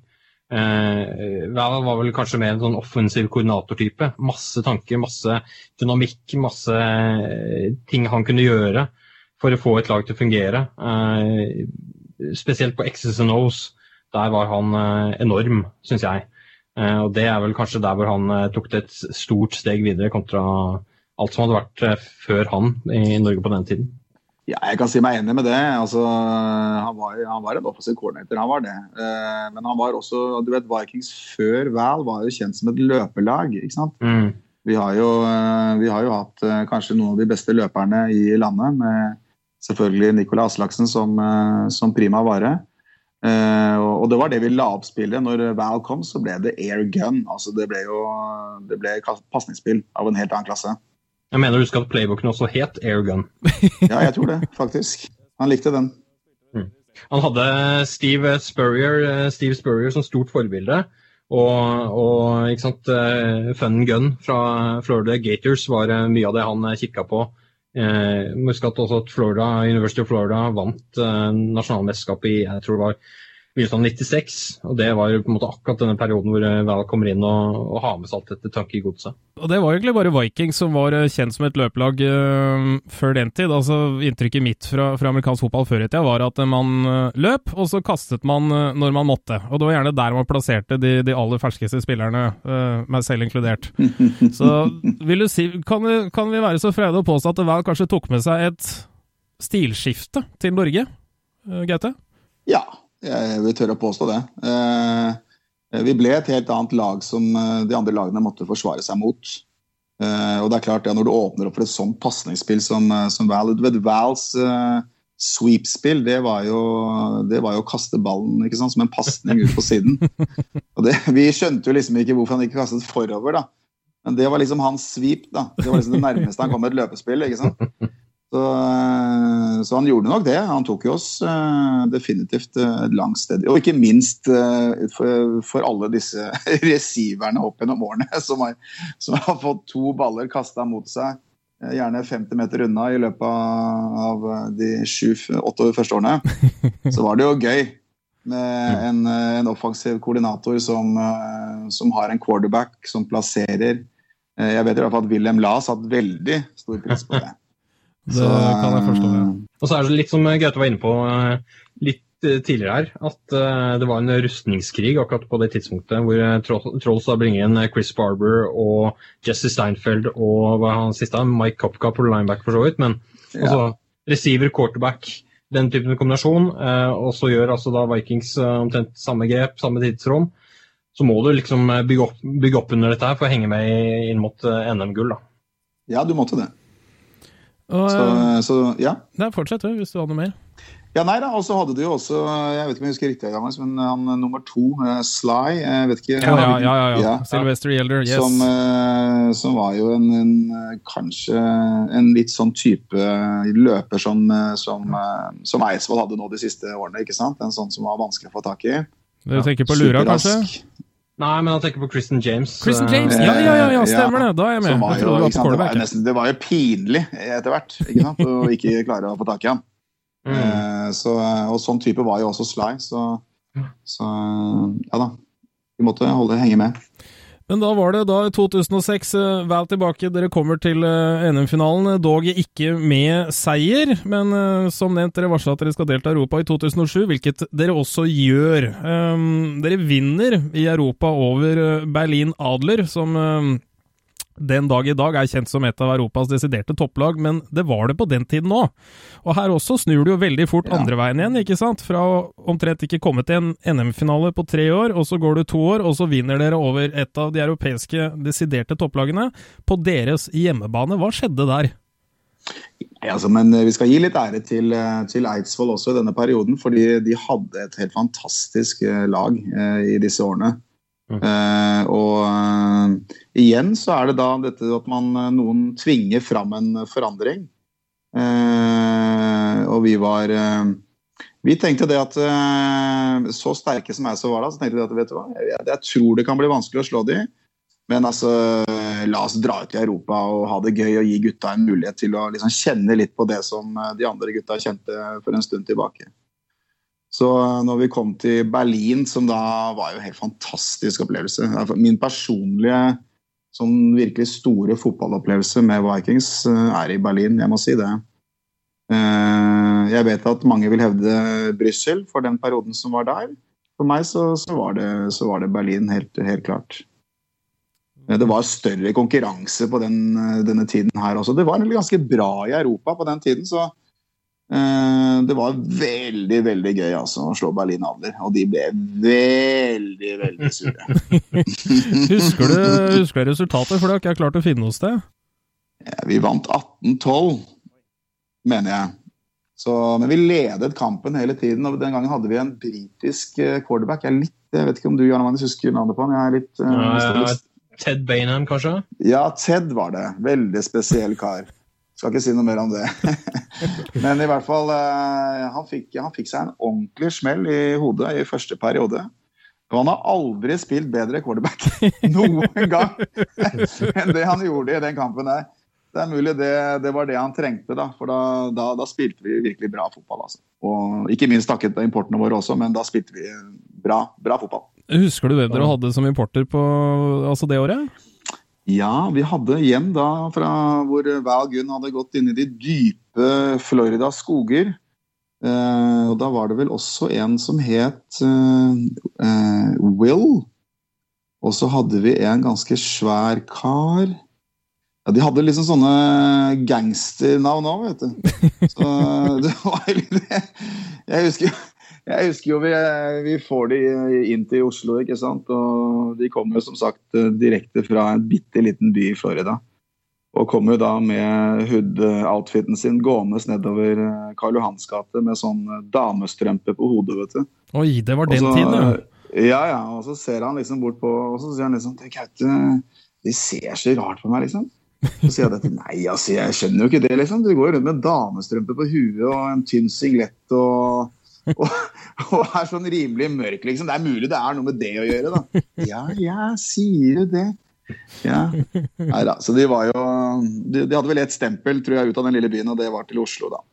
Okay. Men de spilte fantastisk, de gjorde det. Det var en eh, fantastisk kamp de spilte.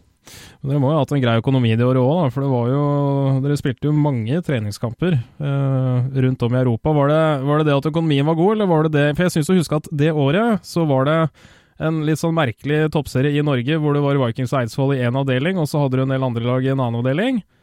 Uh, så jeg vet ikke om det var det å reise rundt var på en måte det man skulle gjøre det året, eller hvordan var det?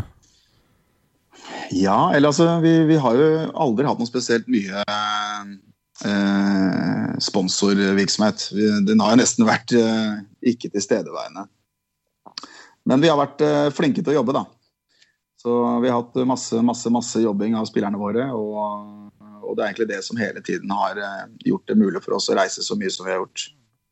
Så all ære til, eh, til laget for det. Og Det er vel derfor, også vi har vært et såpass uh, godt sammensveiset lag som vi alltid har vært òg, da. 2007 fortsatt, så kommer dere da til NM-finalen. Nok en gang mot Eidsvoll, og et nytt tap, denne gangen jevne 30-27. Husker du den kampen? Ja, den husker jeg veldig godt. Den spilte jeg selv også. og Det var jo det, altså det, det rareste med den kampen var at vi hadde en import som var kommet til oss. Som vi var litt usikre på egentlig om han hadde spilt fotball noen gang.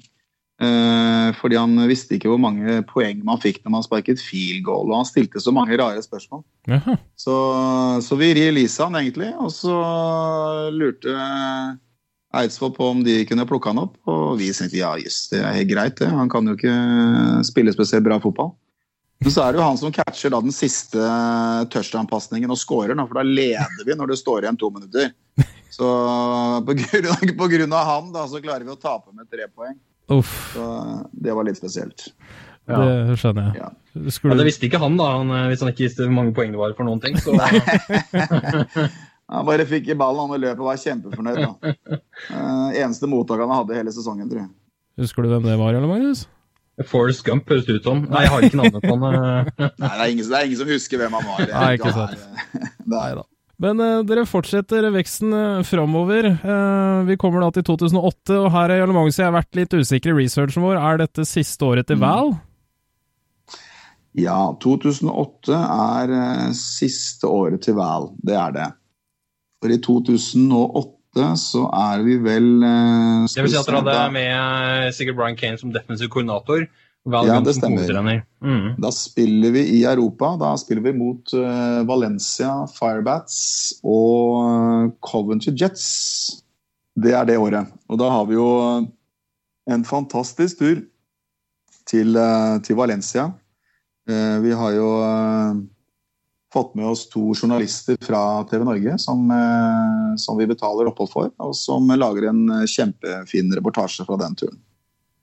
Er den tilgjengelig noe sted? En, ja, den, den er, ja, jeg har den eh, på god gammeldags eh, CD-rom.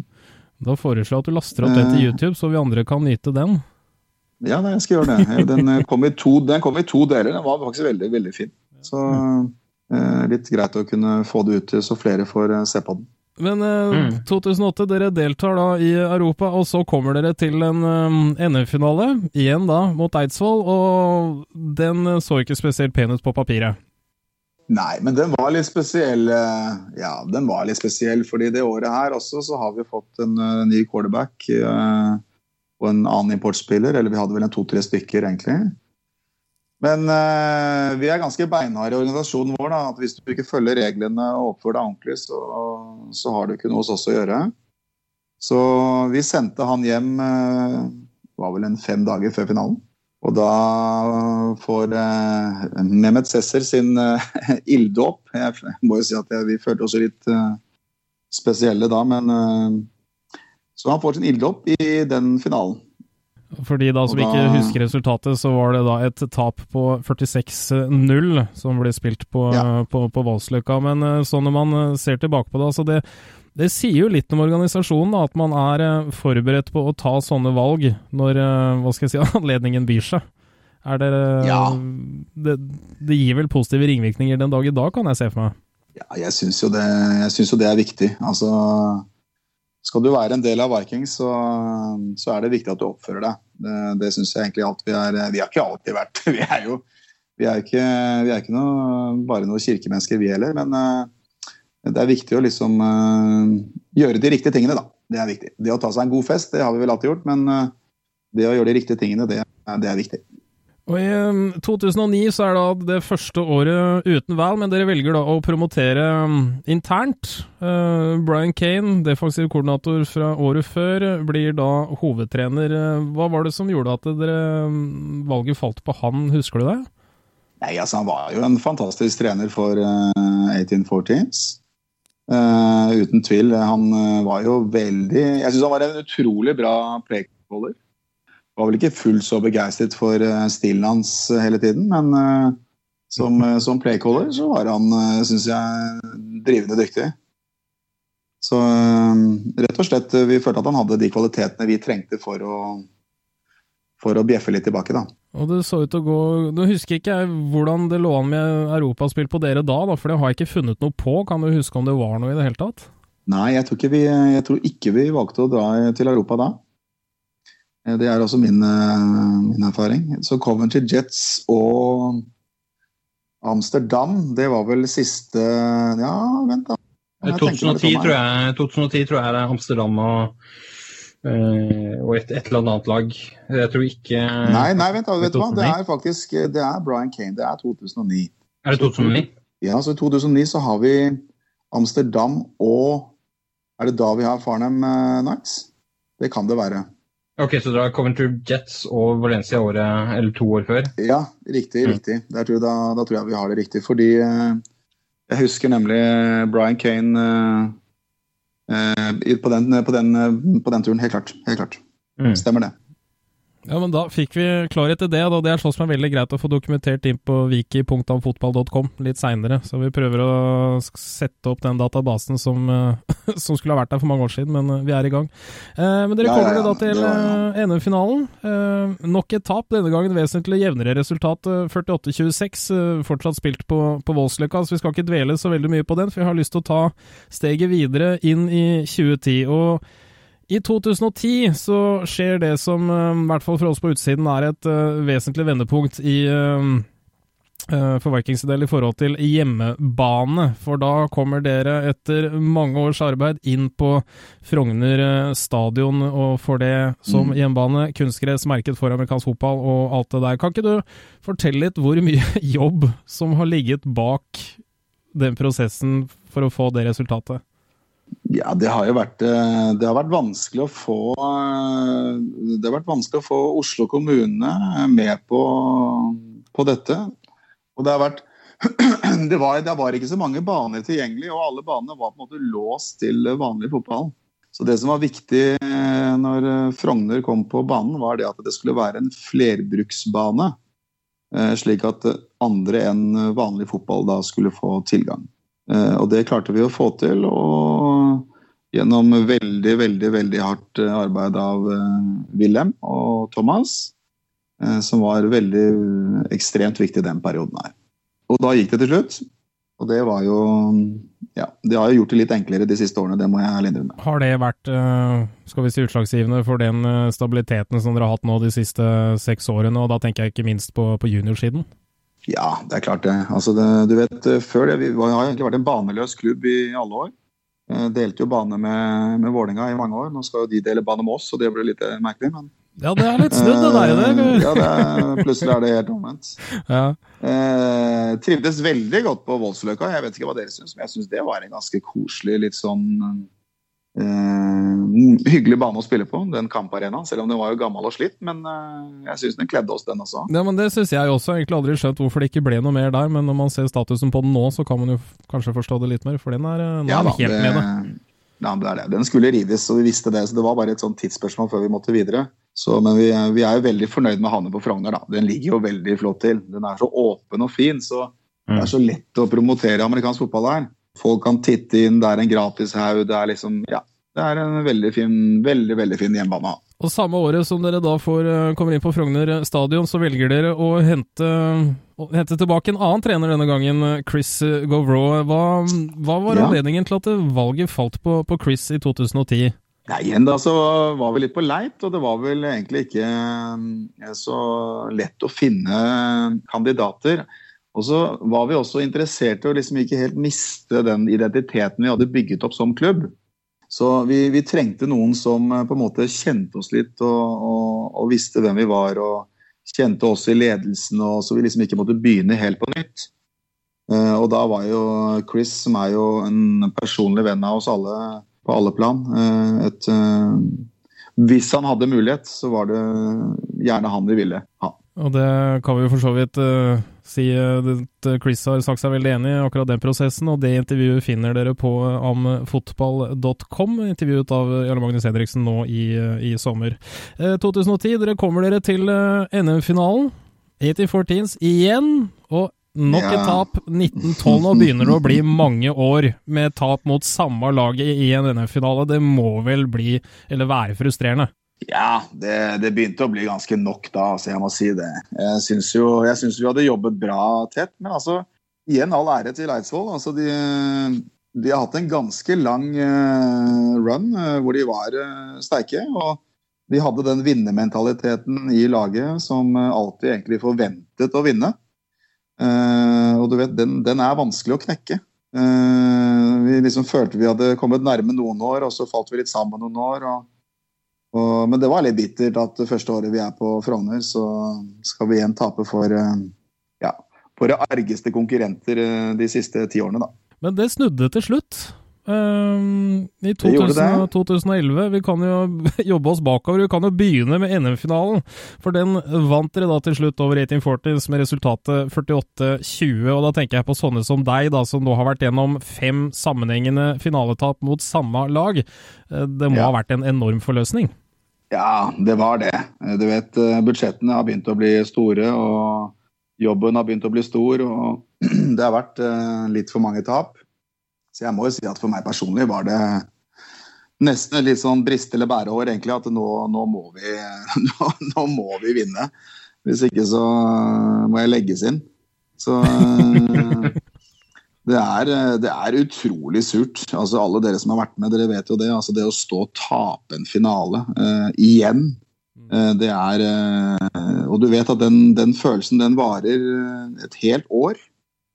så Til neste gang, ja. Ja, hvis man er da så heldig å komme til finalen, ikke sant. Og mm. vi vet jo hvor vanskelig det har vært de siste årene. Så det er klart, alt det raser jo over deg på ti sekunder, og man går jo i kjelleren. Så, men da vant vi, så da, da var det tidenes uh, Da tror jeg vi fikk klager fra nede på Lorris for at det var så høy rappmusikk på Frogner stadion uh, klokken, uh, klokken 11 på kvelden. Og da Resultatstavla den sto vel på, tror jeg, til dagen etter. Så, ja. ja. men det er lov. Nei, vi var, ja da, vi var veldig, vi var veldig, veldig takknemlige da, altså. Det var vi. Eh, da 2011 så vant dere da endelig, og det var også samme året hvor dere hentet inn en eh, tidligere NFL-spiller. Som trener ja. for klubben, Marques Anderson, med fem sesonger som spiller i eh, NFL 2002 til 2006. Først, hvordan, hvordan kom man over en NFL-spiller i, i, Norge, og hva gjorde Altså, hvorfor bestemte dere for å hente inn han som trener? Ja, hvordan, hvordan, finner man egentlig sånne ting? Altså, skjønner du? Altså, det er jo sånne ting som ofte er så rart i, i dette landet her. At uh, folk kommer jo nesten litt sånn uh, rekende på ei fjøl. Uh, det er jo stort sett uh, Wilhelm som har tatt seg av dette her. Og har jo alltid vært veldig flink i denne prosessen. Dette har jo vært Wilhelms, Han har jo alltid vært sportslig ansvarlig. Mm. Så, så Marcus blir presentert for oss, og vi er jo i fyr og flamme en, eh, en, spiller som har spilt i NFL. altså Det har vært mange av de som kanskje ikke alltid er så bra, men han var også i tillegg en sånn utrolig fin kar. Eh, veldig sånn eh, lite det man forbinder med amerikanere på den tiden. Skrikende, store. Han var liksom low-key, han er intelligent, eh, humanist. Eh, en veldig, veldig flott type. Så den matchen var liksom made in heaven. Og Nå spør jeg deg noe som kanskje egentlig Wilhelm har svaret på, men jeg tenker jeg kan jo slenge det ut nå uansett. Altså, I 2010 så var dere veldig opptatt av å hente inn en trener som dere visste hvem var, og da hentet dere inn, uh, inn Chris som hadde vært der tidligere. Men uh, Marquez hadde dere ikke noe forhold til. Altså, hva, hva gjorde at uh, tilnærmingen, i hvert fall for utsiden av, var totalt motsatt av året før? Ja, nei, altså, Hva skal man si til det? Det er jo ikke alltid man egentlig vet hvor, hvordan altså, Dette var en prosess som egentlig kom litt sånn dalende ned til oss. Eh, så vi tenkte nå hadde vi prøvd å gå tilbake til det gamle, og kanskje det var på tide nå å tenke helt nytt igjen. da. Uh, og vi profesjonaliserte oss ganske mye i den perioden med Marcus Anderson, både som organisasjon igjen, og ikke minst i, i treningsopplegget vårt. da. Uten å gå i detaljer, kan du peke litt på, på hva slags type endringer som ble gjort under den ja. tiden? Nei, altså det var jo en uh, Marcus hadde jo en effekt gjennom hele uh, organisasjonen vår. Uh, fra ungdomstrinn til Må ikke glemme det at Vikings, nei, Andersen var U19-trener for oss mm. Mm. året før. Han var U19-trener ja. året før han ble hovedtrener for seniorlaget? Ja. Okay. Ja, ja. ja.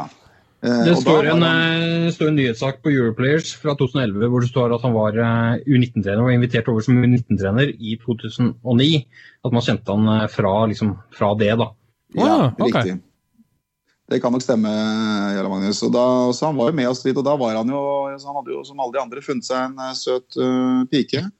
uh, og havnet, havnet på det kjøret som en del av disse Det er seriøst det viktigste konkurranseelementet vi har altså, i forhold til å tiltrekke oss utenlandsk trenerkompetanse. Det, ja, det er, er damene våre. Så enkelt er det. Det er nesten, det er nesten 100% treff. Så det er jo sikkert rundt omkring i de andre klubbene også, tror jeg. Egentlig. Oh yes. Uh, ja. ja. Så, nei, altså, var, så han, var, han, var, jo kjent for oss. Og, uh, han var jo som sagt en person som vi følte passet veldig godt. da. Han passet veldig godt inn i klubben. Og det ga seg jo veldig, veldig godt utslag året etter i 2012, eh, hvor man eh, som klubb ikke bare blir norgesmester på senior, man blir norgesmester på U19, man blir norgesmester på U16, som vi hadde, norgesmester på U14. Fire av fire mulige NM-gull. Det er det vel ingen klubb som har gjort, verken før eller senere, meg bekjent. Det må vel ha ført til skott? Ja, det var det. Og det var jo sånn kulminasjon av liksom alt det vi hadde jobbet for, eh, følte vi, da. Vi følte jo eh, at vi hadde jobbet eh, hardt i mange år nå, og at dette var liksom på en måte høydepunktet på mange måter. Og vi hadde jo også noen fantastisk unge spillere på den tiden også, som elsket å spille fotball. Vet du, det er det du må gjøre skal du bli god. Du må liksom, Disse gutta levde jo på Frogner stadion. Altså, de var der jo, når de var ferdige på skolen, så var de der. ikke sant? Det hang og koste seg og var eh, gode venner og kasta ball og du vet. Mm. Sånn ordentlig gode vennskap. Og 2012 eh, var egentlig det, det, siste årstallet som jeg hadde tenkt å, å ta med deg sånn um, kronologisk, i alle fall. Men uh, mm. året etter 2013 så har jo du vært med personlig har du vært med i 30 år. Altså tre år før resten av klubben. Uh, når ja. du ser for deg utviklingen av, av, amerikansk fotball under den tiden der, hva, hva kjennetegner den som, som du ser det? Ja, altså vi satt jo på 30-årslaget vårt og, og, så på en del eh, filmer fra, fra gamle dager. Eh, og det er klart det at eh, vi var ikke noen dårlige fotballspillere på den tiden heller. Eh, men det er klart det er eh, det, har vært, det har vært etter hvert bedre coaching og, og ikke minst juniorspillere som har, eh, som har spilt i mange år, og som kommer opp og gjør en forskjell. Så det blir veldig lite posisjoner som ikke er dekket av eh, football knowledge da, på en eller annen måte. Mm. Uh, så du ser da at liksom, alt glir mer elegant, alt er litt mer teknisk utført. Uh, syns jeg, da. Jeg syns fremdeles det at den fysiske delen er vel kanskje litt mindre nå enn det den var før, kanskje. Eh, men det var kanskje det man spilte på før også, ikke sant? Ikke så mye teknikk. Ja, men det har du rett i, og det har vært inntrykket mitt ja. også, og det spurte jeg også Finn Jarle om i, uh, i den tidligere sekvensen, og han sier det selv, altså det er ikke nødvendigvis det at det er mindre fysisk, men også ting går så mye fortere. Så det er nok blitt ja. et større fokus på, på fart uh, kontra den rå styrken som, som, det det var før, da. Ja da, det er det. Så, så du dominerer i, i, dag så dominerer du som et lag. Du har selvfølgelig enkeltspillere som vi har hatt eksempler på de siste årene, som kan være eh, ganske dominerende, og gjerne ofte pga. fart. Det er jo én ting som dreper i Europa ennå, det er jo fart. Mm. Det er ikke noe tvil om det. Så det er det vi mangler. Eh, bortsett fra det så syns jeg vi er ganske bra, eh, bra coacher på mange posisjoner. Hvorfor tror du det er sånn at for forrige tiår så kunne man spille Europa, så spilte man i Europa, mens det har vært et vesentlig mindre fokus på det nå siste tiden. Altså klart, sånn rent politisk i Europa så er det jo helt på trynet akkurat nå, men se bort ifra den, da. Hvorfor er ikke Europa så interessant lenger eh, som det var? Nei, altså nå er det jo uh, igjen da all ære til uh, f.eks. Lura og Kristiansand. Og, og, lagene generelt sett som har blitt bedre til å spille fotball. Så de har jo blitt uh, både store konkurrenter og også NM-vinnere. Så du får jo veldig mye av, av, det vi måtte ut i Europa for å finne før, kanskje da. Det finner man jo i, i Norge i dag. da. Den vinklinga har jeg faktisk ikke tenkt over. Så det du sier er at ettersom konkurransen er blitt såpass mye bedre innenlands enn eh, de før i tiden hvor du hadde ett til to lag som kanskje var på et litt annet nivå, så er alle blitt jevnt bedre? Absolutt. Husk på det at vi har jo, vi har jo vært litt ute i Europa og spilt, og det er ikke noe sånn eh, Jeg må jo si det at eh, vi, vi, kan ta oss hatten litt for oss selv her hjemme, syns jeg. Eh, Amsterdam var vel helt greit opplegg, egentlig. Eh, kanskje Det var ganske godt lag. Berlin var også det. Coventry var jo en gjeng med ja, veldig spesielle mennesker. Men de hadde jo quarterbacken til Eidsvoll, da, så det var Nemesis nok en gang. Uh, Valencia også var jo veldig, veldig sånn uh, Ja, litt sånn old school eh, type. Eh, og arrangementsmessig så syns jeg jo vi i Norge har blitt mye flinkere. Så, så det er ikke alle land i Europa som eh, som, som, er verdt å ta turen til, da, for å si det sånn. Hvis man skal tenke fotballmessig, da. Ja, og det er vel stort sett eh, det vi gjør her. Jarle Magnus, sånn helt på tampen, jeg vet ikke om du hadde noen, eh, noen spørsmål til Gaute før vi, før vi, lar han løpe? Jeg har ikke så mange flere spørsmål, men jeg har også konkludert med det samme. at eh, Hvis du ser liksom fra 2012 i hvert fall utover, så er serien langt jevnere og mer interessant. Eh, og da er det klart at eh, da, da, får du en del av det samme som, som gjorde at man måtte ha en sånn førstedivisjon A med to lag og førstedivisjon B med resten eh, periode. mm. periode. For det, det, var noe, det var ikke noe motstand å få. Eh, og Det er helt annerledes nå. så det er klart Da, da slipper man de økonomiske utgiftene, det har vi nok av i Norge allerede, mm. eh, med å dra ut. Eh, og så er kanskje spørsmålet ja vel, hvor lenge holder det? ikke sant? For det, her er jo kanskje spørsmålet som ligger litt til Gaute også. at det har vært, Han nevner tre perioder. ikke sant? Det har vært svingninger i Oslo Vikings. Eh, og Greier man å unngå det i fremtiden? Kanskje ikke, men hvordan, hvordan begrenser man det? Har du noen tanker om det, Gaute? Ja, jeg har det. Eh, jeg kan tenke meg For vår egen del så handler det egentlig om eh, altså Bane er én ting, ikke sant. Men skal du bli god til å spille amerikansk fotball i dag, så må du på en måte trene hele året. Så, så for vår del så handler det faktisk om å, å, å kunne få en, en større Eh, kanskje på sikt eh, drive vårt eget gym, ikke sant? Mm. Og bli mer profesjonelle på den måten, som igjen kan du si kan gi oss gode trenere og mer kunnskap.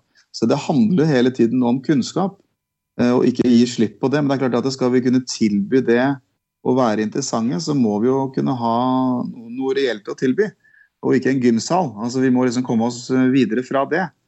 Og det gjelder føler jeg egentlig for alle, alle alderstrinn, alle klubbene. føler jeg vel egentlig sliter litt med, med mye av det, tror jeg. da. Mm. At uh, vinterstiden blir vanskelig for oss å opprettholde et, uh, et godt nok tilbud som er profesjonelt nok, da. Hvis du skulle trekke av disse ja, Det blir nesten 40 års erfaring snart, tenk på det. Um, hvis det er noen klubbledere av de litt yngre klubbene i landet da, som, som hører på denne podkasten og som tenker veit du hva, om 30 år så vil vi ha gjort det like bra som Vikings. Hvis du skulle gitt dem tre nøkkelord eller tre fokusområder som et godt mm. råd videre, hva skulle det vært?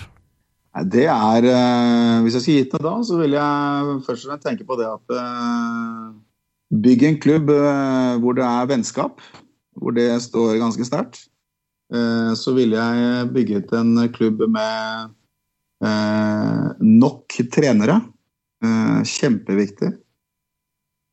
Og sist, men ikke minst, ikke bli for seriøse selv når du er seriøs. Prøv å stikke fingeren i jorda og si at her er vi i Norge. Og skal vi få dette til å fungere, så må vi ha en sånn passe formell, uformell måte å være på. Det tror jeg fungerer veldig bra i Norge. Det høres ut som, som gode råd. Gaute Engebreksen, tusen takk for at du tok deg tid til å komme og fortelle, oss litt om hvordan årene har vært. Og så får vi vel uh, bare glede oss til å høre stemmen din på Frogner til, til våren igjen. Skal du kommentere Trolls sine kamper òg, eller skal du holde deg til Vikings sine? Nei, så det er, ikke det her er det Her må liksom cashene på bordet, føler jeg. Hvis jeg skal uh... Nei da, jeg tror ikke det. Men uh, vi må jo finne fram til en god løsning, da. Vi er jo selv om jeg, jeg vet ikke om jeg vet jo at veldig mange klubber sikkert har hatt det. Du blir alltid et anstrengt forhold til en klubb som har vært lenge og vunnet mye. og, og litt sånne ting. Og vi har vel sikkert vært litt ego opp gjennom årene og tenkt mye på oss selv. Eh, men vi er faktisk genuint opptatt av at, eh, at eh, Fotball-Norge skal få best mulig kår. Da. Ja. Eh, vi har ikke noe interesse av å være aleine på berget her, vi. Det har vi aldri vært. Så vi skal jobbe tett opp mot Vålinga, vi. og og gjøre det beste for at de skal kunne kose seg på, på Frogner, og at vi opprettholder, opprettholder det. da. Gaute, tusen takk. Alt i orden.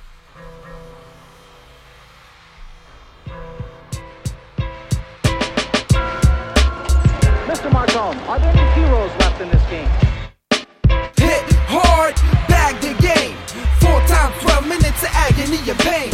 Hit hard, bag the game. Four times 12 minutes of agony and pain. Hit hard, bag the game. What? Four times 12 minutes of agony and pain.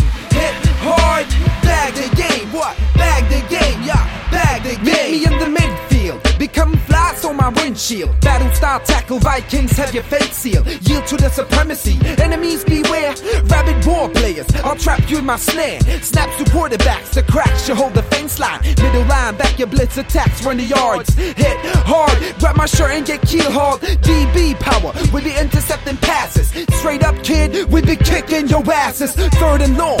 It's a fly deep one. Playing for keeps. Streets of fire in my zone. Punch to your sectors. Perplex tactics. Acrobatic techniques. Yeah, you best respect these. Genuine styles to the rulers of the game. I give you four times 12 minutes of agony and pain. Hit hard, bag the game. Four times 12 minutes of agony and pain. Hit hard, bag the game. Four times 12 minutes of agony and pain. Hit hard, bag the game. What? Four times 12 minutes of agony and pain. Hit hard, bag the game. What? Bag the game, yeah, bag the game. We take you down to the grass mat. Take off your helmets and your pads and go to combat. You be our doormat. Eradicate rap players. Snap them in my trap. Shatter your body, blow up physical contact. I'll stuff the ball down your throat and when a touchdown with your body, drag you outside and kick your ass on the after party. Karate skills Miyagi, swift and supersonic. Vikings going berserk on the astroturf. Smoke you like cigars on Fidel Castro's turf. Search for your weak spots and plot the game. Four times 12 minutes of agony and pain drain you out. In fact, I make you shoot yourself in the head like that guy in the last Boy Scout. No doubt, check what the scoreboard say, and nothing more to say. Keep the ball in play. Hit hard, bag the game. Four times 12 minutes of agony and pain. Hit hard, bag the game. Four times 12 minutes of agony and pain. Hit hard, bag the game. What? Four times 12 minutes of agony and pain. Hard, bag the game. What? Bag the game, yeah, bag the game. Det var altså Warlocks med den legendariske Vikings-låta Bag the Game. Med det sier vi tusen takk for at du hørte på denne spesialpodkasten om Oslo Vikings 30 år 1986 til 2016.